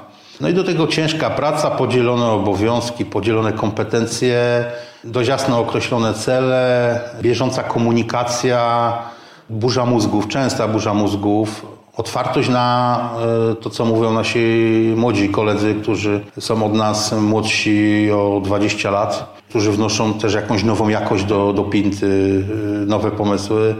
No to wszystko do, łącznie powoduje pewnie, że to tworzy jakiś taki organizm, który żyje, jest zdrowy, ma się dobrze i się rozwija. No i tak jak mówię, no praca, praca, praca, bez tego się nie da. No. Czy wyobrażasz sobie taką sytuację, podobnie jak to było chociażby w USA w wielu przypadkach, że browar Pinta zostaje sprzedany dużemu koncernowi? Hmm. Wszystko sobie można wyobrazić. Co wcale nie znaczy, że chciałbym, żeby tak było. może odpowiem troszkę inaczej. Nie chciałbym, żeby był sprzedany dużemu koncernowi. Myślę, że nie chciałbym się tu wypowiadać za Ziemka i za Marka, choć ja znam ich opinię na ten temat, bo przecież takie, taki temat też się nieraz przewijał w czasie naszych rozmów. Oni też by na pewno nie chcieli. Na pewno chcielibyśmy, żeby się Pinta jeszcze rozwinęła, osiągnęła choćby ten docelowy poziom sprzedaży, o jakim mówimy w przypadku wieprza, czy tego browaru, gdzie te możliwości będą na poziomie 50 tysięcy hektolitrów. Ale nie chcemy być zakładnikami tego browaru. My nie chcemy kolejnych 50, kolejnych, następnych, następnych. Chcemy, żeby to był dobrze zarządzany, nowoczesny browar rzemieślniczy, produkujący piwa dobrej jakości, z dobrym, dobrą dystrybucją, z dobrym PR-em. Mamy już określony wiek i też pewnie za ileś lat chcielibyśmy, e, żeby ktoś od nas młodszy przejął jednak tą rolę tych liderów w tym browarze i przejął od nas pałeczkę i zarządzał i prowadził ten biznes już za nas, ale na pewno nie chcielibyśmy, żeby to był jakiś duży koncert, tylko żeby to jednak ciągle była niekłamana, autentyczna formuła browaru rzemieślniczego. A jak myślisz, na ile taka sytuacja w ogóle na polskim rynku jest możliwa? W najbliższych latach według mnie jeszcze nie jest możliwa. Jednak udział y, w całym tym polskim torcie piwnym browarów rzemieślniczych jest ciągle poniżej 1%. Powiem o browarach rzemieślniczych, nie o browarach regionalnych, bo tam to już troszeczkę inaczej wygląda. To nie jest na tyle łakomy e, koncept. Poza tym no, polski klient, ten, który pije kraft, jest na tyle świadomy, wyedukowany, że, że po nie prostu przyjmie nie przyjmie. Nie, to będzie zdrada, to będzie wiesz, porzucenie wszelkich wartości, idei piwowarstwa rzemieślniczego, więc to przecież można iść do sklepu i kupić sobie Tyskie IPA, czy Session IPA z grupy Żywiec, czy jakieś piwo z Carlsberga, jakieś takie crafty udawane, wyjdzie na to samo. No, więc nie, nie, nie, to jeszcze nie ten etap, nie ten etap. To, to się dzieje w Stanach, ale tam rozmawiamy o innych wolumenach, o innych browarach, o browarach, które już produkują w pobliżu miliona hektolitrów. To, to są ilości robiące wrażenie. I te browary po prostu same podejrzewam szukają e, możliwości, nawet nie tyle chyba co do finansowania e, i rozwoju, co do dystrybucji. Bo e, bolączką browarów rzemieślniczych w Stanach, z tego co wiem, tych dużych, no to jest po prostu jednak dystrybucja. A z kolei duże koncerny tą dystrybucję mają doskonale zorganizowaną i gwarantują że to piwo z Lagunitasa, z Firestona Walkera, czy, czy z Goes Islands i tak dalej trafi jednak y, w każdy zakątek Stanów Zjednoczonych czy Europy. Trudno mi aż tak bardzo to zdiagnozować, ale myślę, że na pewno, na pewno nie jeszcze, na pewno 5 lat na pewno nie jeszcze. Czym Pinta zaskoczy w 2019 roku? Na pewno będziemy konsekwentni w tym, co robimy do dzisiaj, więc będziemy realizować y, takie te główne nasze nurty produkcyjne. Na pewno pojedziemy gdzieś y, na Pintę Hop Tour. Dokąd już wiecie? Znaczy, nie ukrywam, że pracujemy dość intensywnie nad y, wyjazdem do Korei Północnej. Północnej? Północnej, tak. Z tym, że y, temat jest o tyle trudny, bo, bo sam wyjazd do Korei to nie jest jakieś straszne, strasznie trudne przedsięwzięcie do zrealizowania. Oczywiście tam się musi wszystko odbyć pod kontrolą władzy, to musi być wszystko zaplanowane według z góry przedstawionego scenariusza, z urzędnikami państwowymi i tak dalej. Mamy świadomość tego. Tylko problemem jest znalezienie i zaimportowanie do Polski chmielu. No bo to przecież nie chodzi tylko o to, żebyśmy myślę za pieniądze firmy przelecieli do Korei, zrobili sobie kilka fotek, dobrze się zabawili. Tylko no, tu ma być konsekwentny, konsekwentna realizacja tego projektu Pinta Hop Tour, czyli pokazania czegoś, co tam jest uprawiane, jak wygląda piwowarstwo tam. To jest taką główną przeszkodą, żeby to zorganizować. Nad tym pracujemy, ale mamy też kierunki alternatywne na półkuli południowej, więc na pewno jakiś, jakiś hop y, zorganizujemy. Nie jest to łatwe, bo gdyby to tylko było tak, że pisze się dwa, trzy maile, kupuje się bilet i się leci, to byśmy już pewnie tych hop więcej zorganizowali, ale proszę mi wierzyć, nie jest to łatwe. Chcemy kontynuować promocję Portera Bałtyckiego na świecie. Pracujemy nad kolejnymi kierunkami, gdzie by można było Porter Bałtycki uważać kooperacyjnie za granicą.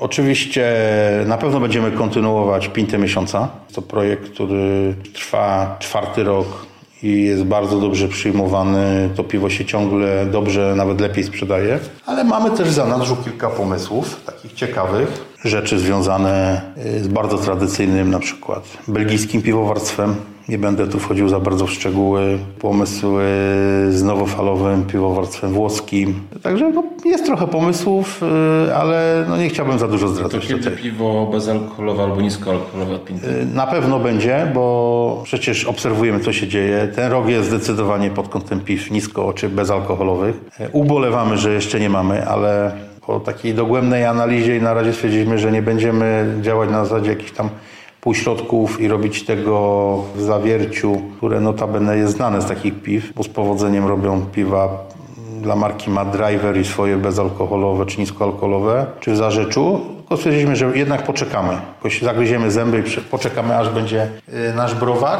Mamy już pomysł na, nawet na takie piwo. Jaki to ma być styl, jak ma smakować tak. Coś zdradzisz? Nie. Na koniec y, oczywiście bardzo dziękuję za rozmowę dla podcastu Alchemia. Ja również dziękuję. I powiedz, czego Ci życzyć i pincie w najbliższym czasie. No, mnie to zdrowia może najbardziej. Chociaż nie, żeby ktoś pomyślał, że ze mną aż tak źle, nie? Ale a w tym wieku to już się przydaje. A tak na poważnie, no pincie, no to, to o czym przed chwilą rozmawialiśmy, słuchaj, y, jak pytałeś o podłoża sukcesu. Tej wytrwałości, dobrych relacji między wspólnikami i między właścicielami a pracownikami, no i sfinalizowania inwestycji. Pomysł budowa nowego browaru, bo no jest to droga przez mękę, co tu dużo mówić. Tysiące różnych problemów po drodze, już się nie możemy doczekać, aż wejdziemy tam do warzelni i zrobimy pierwsze zacieranie i tak dalej, nie? Więc tego nam należy życzyć przede wszystkim, sfinalizowania tej inwestycji. Dziękuję bardzo jeszcze raz i tego właśnie bardzo życzę i dziękuję za rozmowę. Ja również dziękuję. Uf, wywiad dobiegł końca. O kurcze, co to? Yy, kto to? To chyba monstersi. Nadbiegają? Uf, nie. Nadchodzą. Cali na biało. Chyba zmierzają do laboratorium. Szykuje się ważenie piwa. Witajcie w kolejnym odcinku Alchemii. Witają Was y, Olek i Janek z Browaru Monsters. Cześć. Dzisiaj postanowiliśmy sobie porozmawiać troszeczkę o zacieraniu. Y, Jest to ważny y, etap każdego procesu ważenia piwa.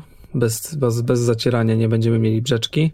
Chcemy opowiedzieć troszeczkę o tym, jakie są metody zacierania, potem troszeczkę o przerwach, e, jakie można przy zacieraniu zastosować. No i e, na koniec opowiemy sobie jak zwykle o naszych własnych doświadczeniach z zacieraniem. Tak, Więc- to ma być taki odcinek, który uzupełni wszystkie te odcinki dla, dla początkujących, bo robiliśmy odcinek o dezynfekcji, robiliśmy odcinek o chmieleniu, e, więc o zacieraniu jeszcze nie było, a to dość ważny temat, albo może nie tyle jakiś super ważny, ale, ale wszyscy o to pytają na początku, więc, więc postanowiliśmy coś takiego nagrać. Dokładnie tak. Czyli co, zaczynamy, y, żeby już dłużej nie, mm, nie gadać o pierdołach, y, to sobie zaczniemy od tego, jakie są metody zacierania, najbardziej popularne właśnie na tak, takie, które właściwie są zawsze stosowane, tak? No może wymieńmy najpierw. chyba- może może Dobrze. wymieńmy, jakie są metody, albo jakie ja znam. Ja znam, e, ja właściwie stosuję w domu e, trzy typy e, zacierania. To jest infuzyjne zacieranie, zacieranie e, temperaturowe i zdarzyło mi się dekokcyjnie za, zacierać. Mhm. No a oprócz tego mamy jeszcze tak zwany turbit mashing, który jest e, przeznaczony właściwie tylko do jednego rodzaju piw. E, No więc właśnie takie są e, metody zacierania i zaczniemy sobie od takiej, która jest właściwie chyba naj, najczęściej stosowania, czyli od zacierania infuzyjnego, które to zacieranie pochodzi z Wysp Brytyjskich, z tego co pamiętam. Dobrze Tak, mówię, prawda? Tak, tak. No, Brytole do tej pory używają e, takiego zacierania. Używa też takiego zacierania jedyny, albo może nie jedyny, bo powstały jakieś tam dodatkowe, ale Brewpub w Krakowie, Tea Time, który robi właśnie brytyjskie style i oni też tak zacierają. Niektórzy mówią na to zacieranie nalenia, dlatego że jest to zacieranie jednotemperaturowe, też można tak powiedzieć, no nie? Mhm. Wrzucasz po prostu słód do gorącej wody i czekasz. I właściwie tyle. I potem od razu zaczyna się filtracja, prawda? Dokładnie, czyli wsypujemy. Warto powiedzieć też chyba o w przedziale je, i w jakim przedziale się stosuje to, to zacieranie, dlatego że wydaje mi się, że tutaj trzeba uchwycić temperaturę, w której działają dwa enzymy, alfa-amylaza i beta-amylaza, w sensie jednocześnie, które się łapią w te widełki. Mhm. I wydaje mi się, że zaciera się tak po angielsku między 64, 64 stopniami do 69. To jest ten taki mhm. przedział, w którym się, się zaciera. Chyba tak. E, no, nie wiem, czy tutaj możemy coś więcej powiedzieć na temat Nie, no tego? chyba nie, wiesz, na razie przejdźmy te pierwsze Dobra. cztery, a o, o, temperaturach i o przerwach sobie powiemy później trochę więcej. Dobra, no to kolejno mamy dekokcję i tutaj jest to troszeczkę bardziej skomplikowane i akurat zacieranie dekokcyjne pochodzi z tego, co pamiętam, z Czech. Dobrze mówię? Czy z Niemiec? Z Czech albo z Niemiec. Właściwie to chyba, chyba z, Niemiec, z Niemiec, tak mi się wydaje, dlatego że, dlatego że Czesi, tak na dobrą sprawę, ważąc tego pierwszego Pilsa, yy, którego ważył w ogóle Austriak, no to ten Austriak przywiózł tą technologię z Niemiec po prostu, z, Niemiec. z Bawarii. Okay. Więc, więc podejrzewam, że to się jednak wywodzi z Bawarii, z, Niemiec. Mhm. E, no więc dekokcja, e, jak już mogliście się domyślić, dotyczy głównie lagerów, no i Wajcenów chyba też, prawda? Tak. E, no i zacieranie dekokcyjne polega na tym, że w trakcie zacierania odbiera się gęstą część zacieru i doprowadza się ją do wrzenia na jakiś czas, a potem zawraca się tą e, gęstą część do całego zacieru i tym samym podnosi się temperaturę zacieru do kolejnej przerwy, do wyższej Dokładnie tak. temperatury, tak. prawda? Właściwie po co się to gotuje, bo to jest dość chyba istotne, trzeba, trzeba o tym powiedzieć. Gotuje się to po to, żeby... Znaczy, gotuje się to, przynajmniej historycznie gotowało się to po to, żeby dało się podnieść tą temperaturę, bo wtedy nie, nie było możliwości, takich y, łatwych możliwości sterowania y, temperaturami zacieru. Y, no i przy okazji, a teraz się stosuje to dlatego, żeby wytworzyły się tak zwane związki melanoidynowe w trakcie tego gotowania tej gęstej części zacieru, czyli takie chlebowe nuty, nuty ciemnego chleba, pumperniklowe i tak dalej, i tak dalej. One też trochę podbijają pełnię ciało. Tak, tak. No i to, i to są nuty charakterystyczne na pewno dla koźlaka. Jak ktoś chce zobaczyć, co to znaczy melanoidyny, to niech sobie kupi jakiegoś dobrego koźlaka i to właśnie będzie, to jest definicja melanoidyn. I teraz e, tylko jeszcze, jeżeli mam taką uwagę, jeżeli chodzi o to dekokcyjne zacieranie, bo dla mnie nigdy nie było jasne, co to znaczy to gęste. To jest po prostu na takiej zasadzie, że po prostu bierzecie sobie część tego zacieru na sitko, to obcieka z, niego, z tego woda i to, co zostaje na sitku, gotujecie. Takie sitko do odcedzania makaronu na przykład. Tak, na przykład takie.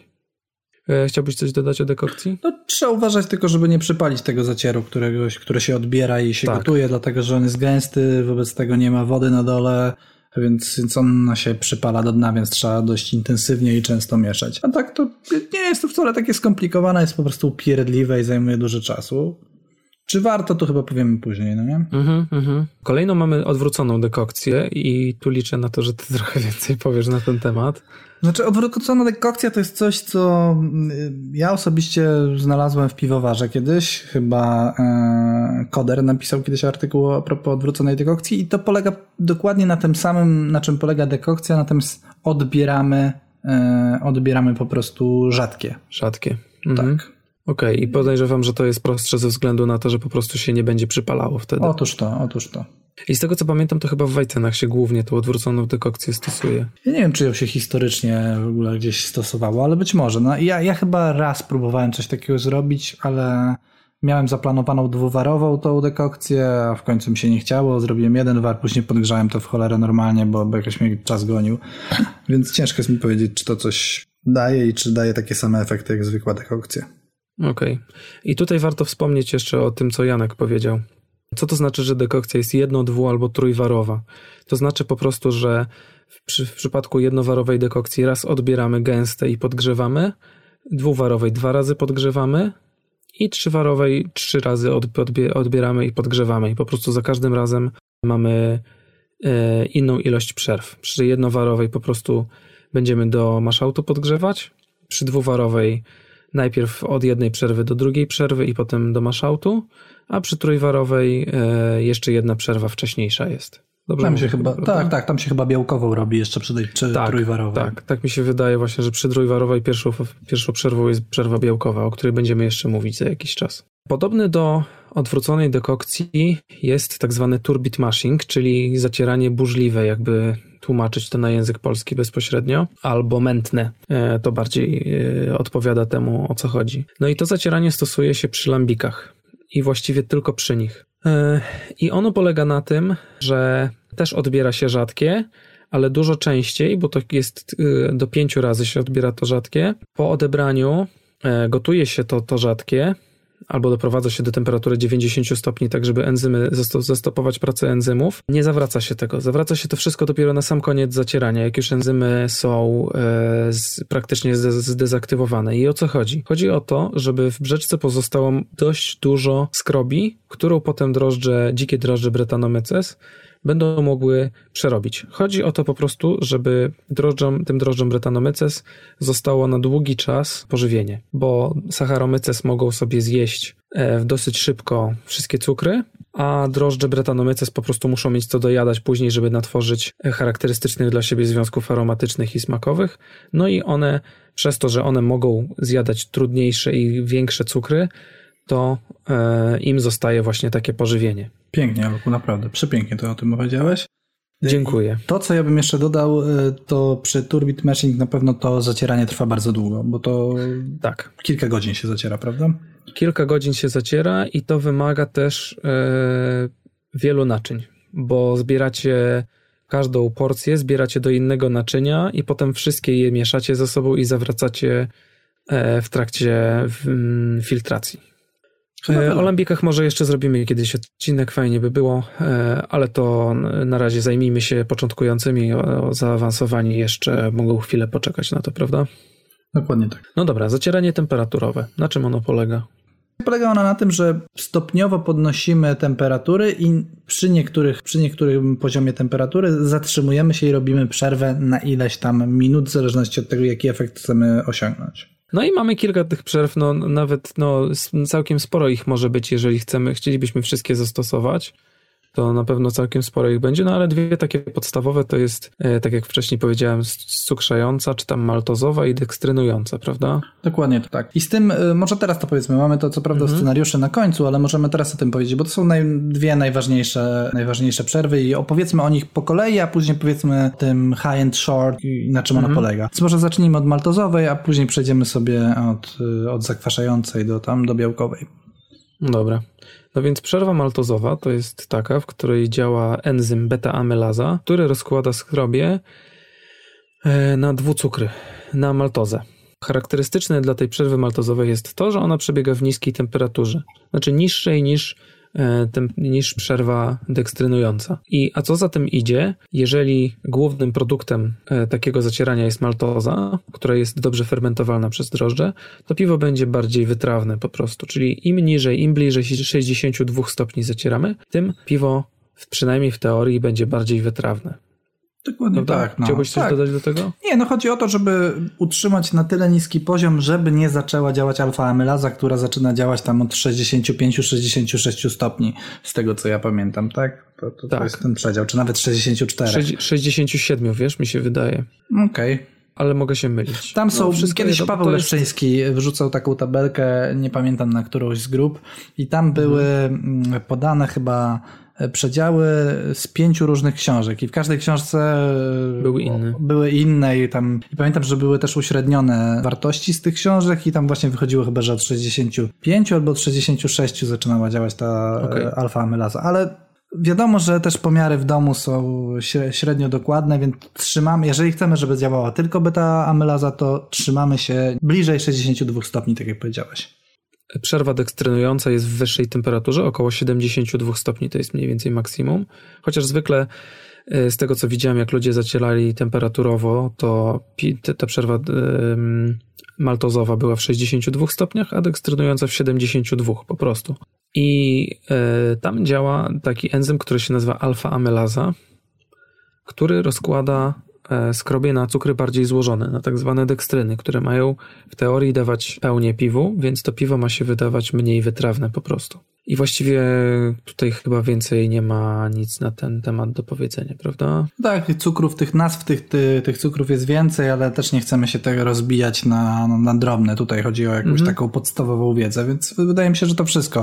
I teraz myślę, że możemy powiedzieć o tej, mhm. o tej metodzie. Ja nie znam niemieckiego, więc nie wiem, jak to się wymawia. Hochkurs. Hochkurs, tak mi się też wydawało, mhm. czyli po angielsku height and short. Główne założenie tego sposobu zacierania jest e, to, że zacieramy godzinę. Wyjściową jest pół godziny w 62 stopniach, gdzie działa beta-amylaza, pół godziny w przerwie dekstrynującej, gdzie, gdzie działa beta-amylaza. A, tfu, alfa-amylaza. I w zależności od tego, czy chcemy bardziej wytrawne piwo, to wtedy przesuwamy i przedłużamy przerwę maltozową, na przykład do 45 stopni, a 15, e, do 45 minut, mhm. a 15 e, minut zacieramy w przerwie dekstrynującej. Jeżeli chcemy słodsze piwo, to na przykład zacieramy 15 minut w maltozowej i 45 minut w dekstrynującej. I to jest coś, co ja tak na dobrą sprawę ja stosuję bardzo często. Ta maltozowa jest często trochę wyżej, ale ja mam taką zasadę, że za, prawie zawsze robię tą dekstrynującą, bo mam przekonanie, że ta dekstrynująca wpływa też pozytywnie na pianę. Mhm. Hmm, o czym żeśmy wcześniej nie powiedzieli, bo to chyba nie jest do końca udowodnione. Tak. Tutaj jeszcze ważna rzecz, że beta-amylaza, czyli ten enzym, który działa w niższej temperaturze, działa wolniej niż alfa-amylaza. Więc na przykład jak ktoś ma e, Beer Smitha, to tam e, jak się ustala sobie e, zacieranie, to im wyższą temperaturę ustawicie zacierania, tym on krócej zaproponuje, żeby to zacieranie trwało. Dodatkowo przy przerwie maltozowej, jeżeli byście zacierali tylko, przez, tylko w 62 stopniach, to będziecie mieli niższą wydajność. Nie wiem dlaczego, ale tak jest niż gdybyście zacierali 69 na przykład. I to nie tylko moje doświadczenia, ale też yy, widziałem na wielu forach było coś takiego napisane. Tak, mi się to prawda nigdy nie, nie zdarzyło sprawdzić tego na, na, na własnej warce, bo nigdy mi się nie zdarzyło zacierać tylko i wyłącznie w 62 stopniach, w sensie tak nisko trzymać zacieru i później nie robić wyższej przerwy, ale coś w tym jest, że im wyżej zacieramy, tym w ogóle wydajność się, się robi większa, co mhm. z kolei nie znaczy, że odfermentowanie będzie e, głębsze na przykład, tak? No bo tak, wiadomo, tak. że wtedy raczej ono będzie płytsze. W teorii. To chyba tyle o tych dwóch przerwach, możemy chyba przejść od, do, do początku czyli do pierwszej przerwy, takiej, którą się stosuje. A właściwie to chyba, ja chyba nie słyszałem, żeby ktoś stosował tą przerwę. No w każdym razie jest taka przerwa, która się nazywa przerwą zakwaszającą i ją się robi w przedziale od 30 podejrzewam do 35 stopni. Tak bym strzelał, mhm. bo, bo jeżeli weźmiemy pod uwagę to, jak, ona, jak, jak działa ta przerwa i co tam się wtedy dzieje, no to wydaje mi się, że do 35, nawet do 40 stopni ona może, może w takim przedziale się zawierać. Tak. No i e, tak jak żeśmy tutaj dosłownie 15 minut temu e, e, doszli do tego, że tak naprawdę podejrzewamy, że właściwie to Janek podejrzewa, że po prostu w tej przerwie działają najlepiej bakterie lactobacillus, które znajdują się na słodzie i to one zakwaszają brzeczkę. Tak, dlatego żeby ta przerwa miała jakikolwiek sens, to trzeba ją przeciągnąć do kilku albo nawet kilkunastu godzin. Są po prostu inne sposoby, dużo lepsze, które zakwaszą zacier, czy tam zakwaszą brzeczkę, niż robienie tej zakwaszającej przerwy. Można po prostu na przykład nalać troszeczkę kwasu mlekowego, który obniży pH, tak? Bo tak, temu to tak. ma służyć, no, żeby obniżyć pH zacieru, żeby ono było na tyle optymalne, żeby dalsze te enzymy, które rozkładają skrobie, czyli beta-amylaza i alfa-amylaza, działały y, lepiej po prostu, tak? No i kolejną przerwą jest y, przerwa ferulikowa, albo ferulowa w 44 stopniach. Y, I ona ma pomagać w uzyskaniu goździkowego aromatu w wajcenach. Dlatego, że w tej temperaturze produkowany jest kwas ferulowy, E, który w trakcie fermentacji jest rozkładany na parawinylogwajakol e, albo 4-winylogwajakol. I to ma niby pomagać, e, chociaż nie wiem, czy to. Ty się konsultowałeś z kimś na ten temat, prawda? Ja nie tyle się konsultowałem, co kiedyś e, jak zaczynałem ważyć i przeglądałem jakieś tam receptury doświadczonych piwowarów, to widziałem na przykład takie receptury, które e, polegały na tym, że rzeczywiście ktoś robił tą przerwę e, ferulikową, czy tam ferulową, na przykład 10 godzin i przedłużał mhm. to i, i to były zwycięskie receptury z jakichś tam konkursów. Ja nigdy tego nie próbowałem robić, bo nie mam takiej cierpliwości, żeby nie umiem sobie tak zaplanować czasu, żeby 10 godzin poświęcić na trzymanie zacierów w 44 stopniach. No ale skoro są to receptury, które, według których piwa wygrały, tak, no to, to, to wydaje się, że to może działać. No. Pytanie, mhm. czy nie ma lepszych sposobów, żeby, żeby osiągnąć goździka, tak? Czy nie można no, myślę, że drożdże po prostu... Moim wiesz, zdaniem też, tak. Dobre drożdże do Wajcena i, i, i wszystko będzie pięknie i wspaniale. Ja, ja też jestem tego zdania, więc ja, ja też nie stosuję tej przerwy. Robiłem ją przy chyba pierwszym swoim wajcenie, ale wtedy nie wiedziałem o ważeniu prawie nic e, i, i tak miałem po prostu napisane w instrukcji e, mhm. do ważenia. I wtedy ją robiłem, ale robiłem ją chyba tam 15 albo 20 minut max. E, to był całkiem chyba niezły wajcen, z tego co pamiętam, ale nie sądzę, żeby na to wpływ miała ta, ta przerwa. Mhm. Ja też tak sądzę, że może tak być. No dobra, kolejna jest przerwa beta-glukanowa. Część źródeł mówi, że to jest od 45 do 50 stopni, ale ja tu widzę w tym artykule, który czytam, mm. a mianowicie na wikipiwo.org zacieranie ziarna, jest taki artykuł. Tu jest napisane, że mm, ten enzym, który rozkłada beta-glukany, czyli endo-beta-glukanaza, jest wyraźnie aktywna nawet w 35 stopniach, więc zaleca się stosowanie tej przerwy nawet w 35 stopniach. No ale o co chodzi? No więc ta, tą przerwę stosujemy używając ziarna, które ma dużo beta-glukanów. No i tutaj pierwsze i najważniejsze ziarno, które ma dużo beta-glukanów, to jest żyto. Może wiesz co, y, może powiedzmy jeszcze, tak. co to są te beta-glukany i co one y, powodują tak naprawdę, bo, bo to jest ważne, tak? Y, beta-glukany są zawarte w ścianach komórkowych ziarna i to są chyba białka, z tego co pamiętam. Mm -hmm.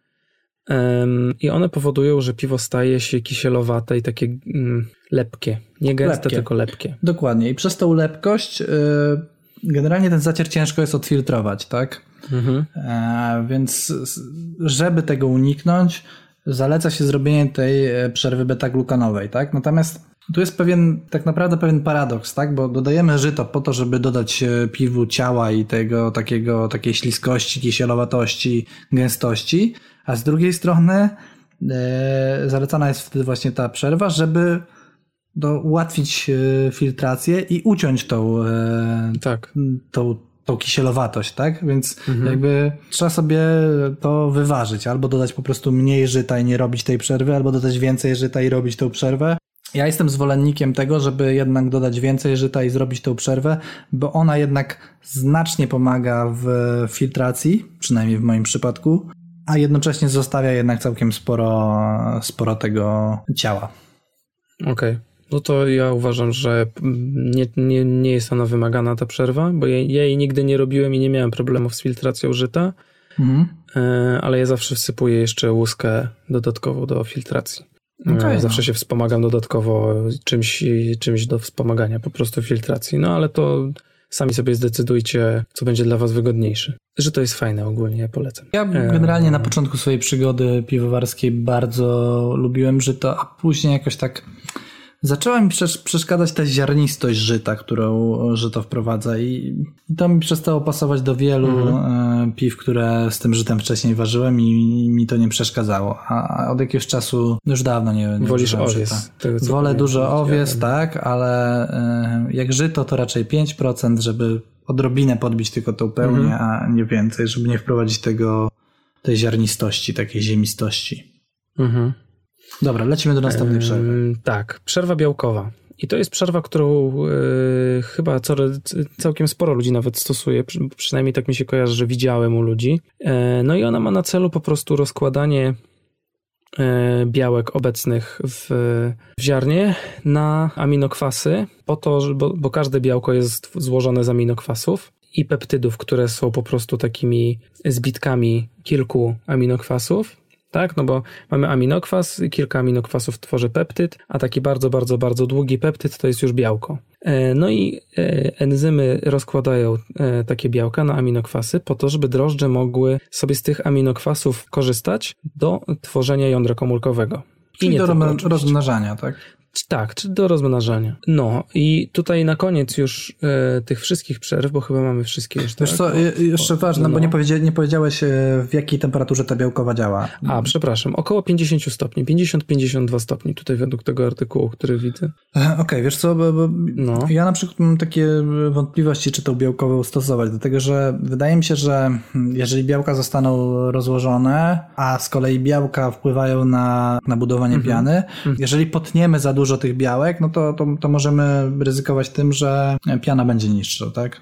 Tak. Albo nie tak. będzie jej w ogóle. To jest to właśnie e, mniej więcej o co chciałem zahaczyć teraz, A, że E, pamiętajcie o tym, że te przerwy, o których powiedzieliśmy przed chwilą, czyli zaczynając od zakwaszającej poprzez ferulową, beta-glukanową i na białkowej skończywszy, to są przerwy, które wynikają troszeczkę z historii i nie mają do końca, moim zdaniem, przynajmniej zastosowania w obecnych czasach. No dobra, może ta ferulowa i ta beta-glukanowa trochę mają, ale na pewno nie białkowa. E, dlatego, że przerwę białkową stosowało się w czasach, w których mm, słód był słabej jakości i nie dostarczał on wystarczającej ilości aminokwasów drożdżom w trakcie fermentacji po prostu.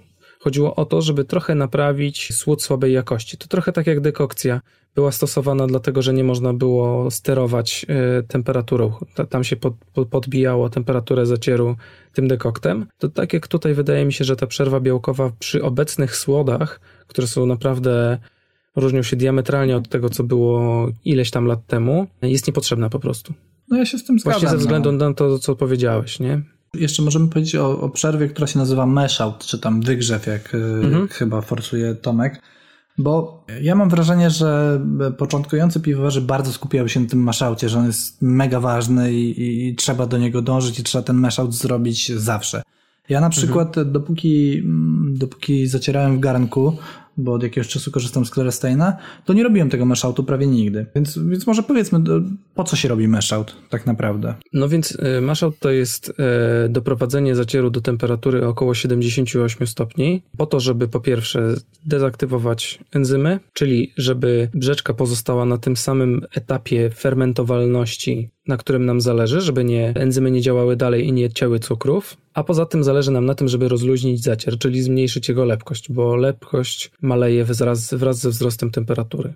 Czyli zmniejszyć tą lepkość, żeby łatwiej się filtrowało. Tak? tak, żeby łatwiej się filtrowało. Dokładnie tak.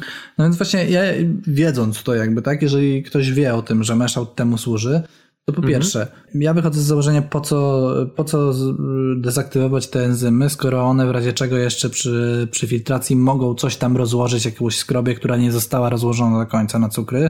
Więc to, to jest jakby pierwsza rzecz, o której ja myślałem. A druga rzecz jest taka, że jeżeli mamy zasyp, który ma na przykład 100% pilzneńskiej albo nie wiem, 95% pilzneńskiego i plus jakieś 5% karmelu albo 5% jakiegoś specjalnego słodu, który też ma łuskę, to mając słód w 100% taki, który ma łuskę, ta filtracja mhm. i tak czy tak przebiegnie dość łatwo, tak? Mhm. Więc jeżeli to nie jest ekstrakt typu 25 plato, to tego meszałtu w ogóle można nie robić, tak? Można po prostu skończyć na przerwie 72 albo jak zacieramy infuzyjnie w 67 i zacząć normalnie filtrację i ta filtracja przebiegnie dobrze i ten meszałt jest do niczego niepotrzebny wtedy. Można sobie po prostu zaoszczędzić naprawdę sporo czasu, nie grzejąc tego do tych 76 czy tam 8 stopni, nie trzymając tego 10 minut i nie czekając aż się ułoży, złoży, tylko po prostu od razu po zacieraniu przejść do filtracji. To prawda, można tak robić, jak najbardziej. Dokładnie tak robią właśnie browary brytyjskie, gdzie po prostu zalewają e, zacier wodą o temperaturze 70 stopni, ten zacier, te, te, to zacieranie przebiega w 67 stopniach i później nikt tego nie grzeje, tylko po prostu spuszcza e, klarowną brzeczkę. No. I tak, zwłaszcza, że nie mają możliwości Dokładnie tak. Do, do grzania, tak?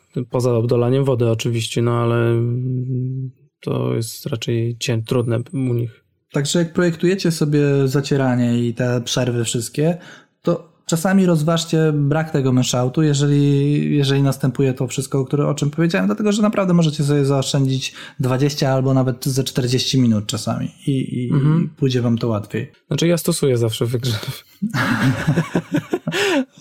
Ale okay. to raczej z, z przyzwyczajenia. Wiesz co, ja Yy, bo to trochę wynika z faktu, że po pierwsze jestem przyzwyczajony do tego, żeby to robić, a po drugie, no bo wiesz, ja jak przenoszę z garnka yy, zacier do filtracji, do filtratora, to jednak tam temperatura trochę mi spadnie, nie?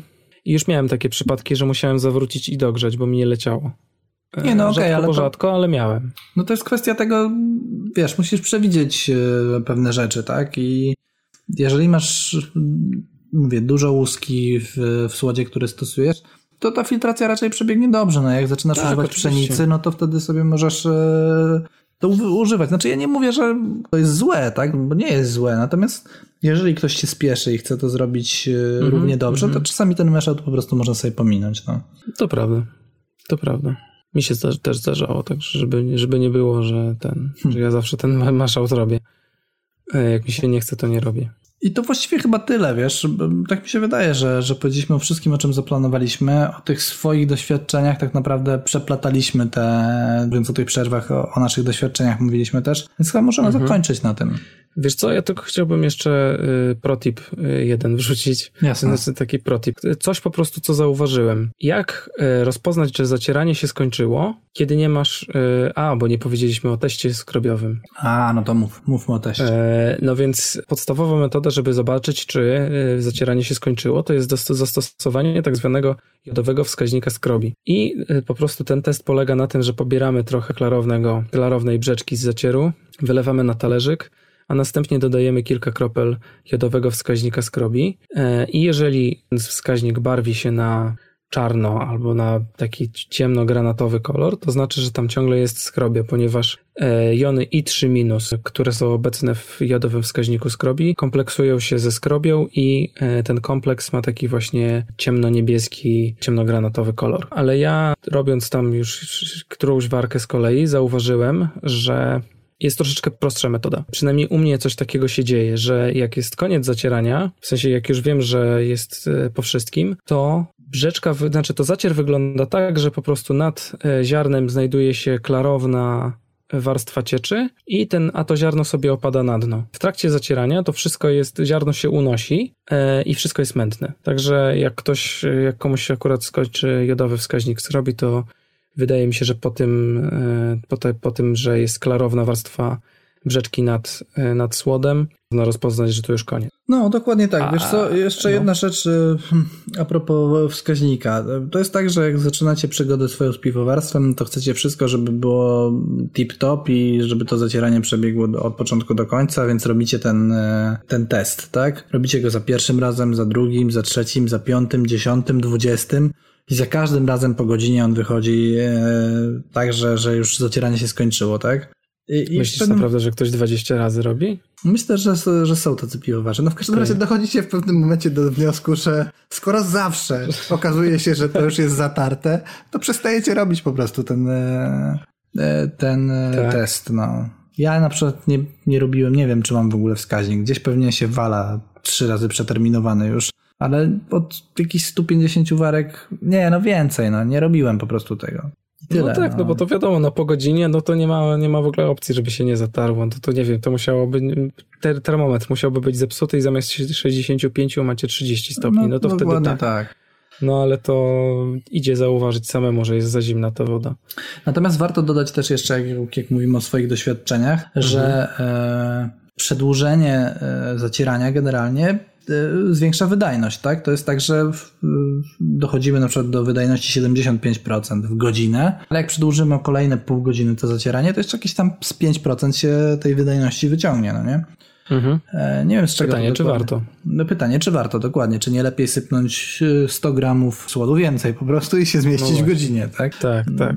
E, no, no właśnie, no ja też nie wiem z czego to wynika, a może wy wiecie?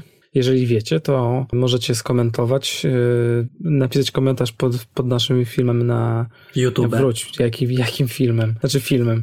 No, tam się obrazek pokazuje przez cały czas ten sam, no i my gadamy. Możecie napisać komentarz na YouTubie, na Facebooku, piszcie do nas wiadomości, yy, klikajcie dzwoneczki, klikajcie subskrypcje, polecajcie nas znajomym. Teraz dobrze powiedziałem. Tak, tak tym razem. Musimy kończyć, bo e, szef wszystkich szefów Grzegorz Zwierzyna ze Szczecina się rozgadał strasznie w wywiadzie i musimy zrobić krótki odcinek. Tak, dzisiaj musimy mieć krótki odcinek, ale przede wszystkim najważniejsze, co musicie zrobić, to napisać tak. w komentarzu, że lubicie Przemka i Iwanka i zapytać, jak mu minęły wakacje w Egipcie.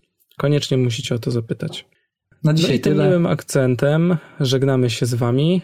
Mówili do was y, Olek i Janek z Browaru Monsters. Do usłyszenia w kolejnym odcinku. Cześć. Cześć, na razie. Dziękuję Janku i Olku.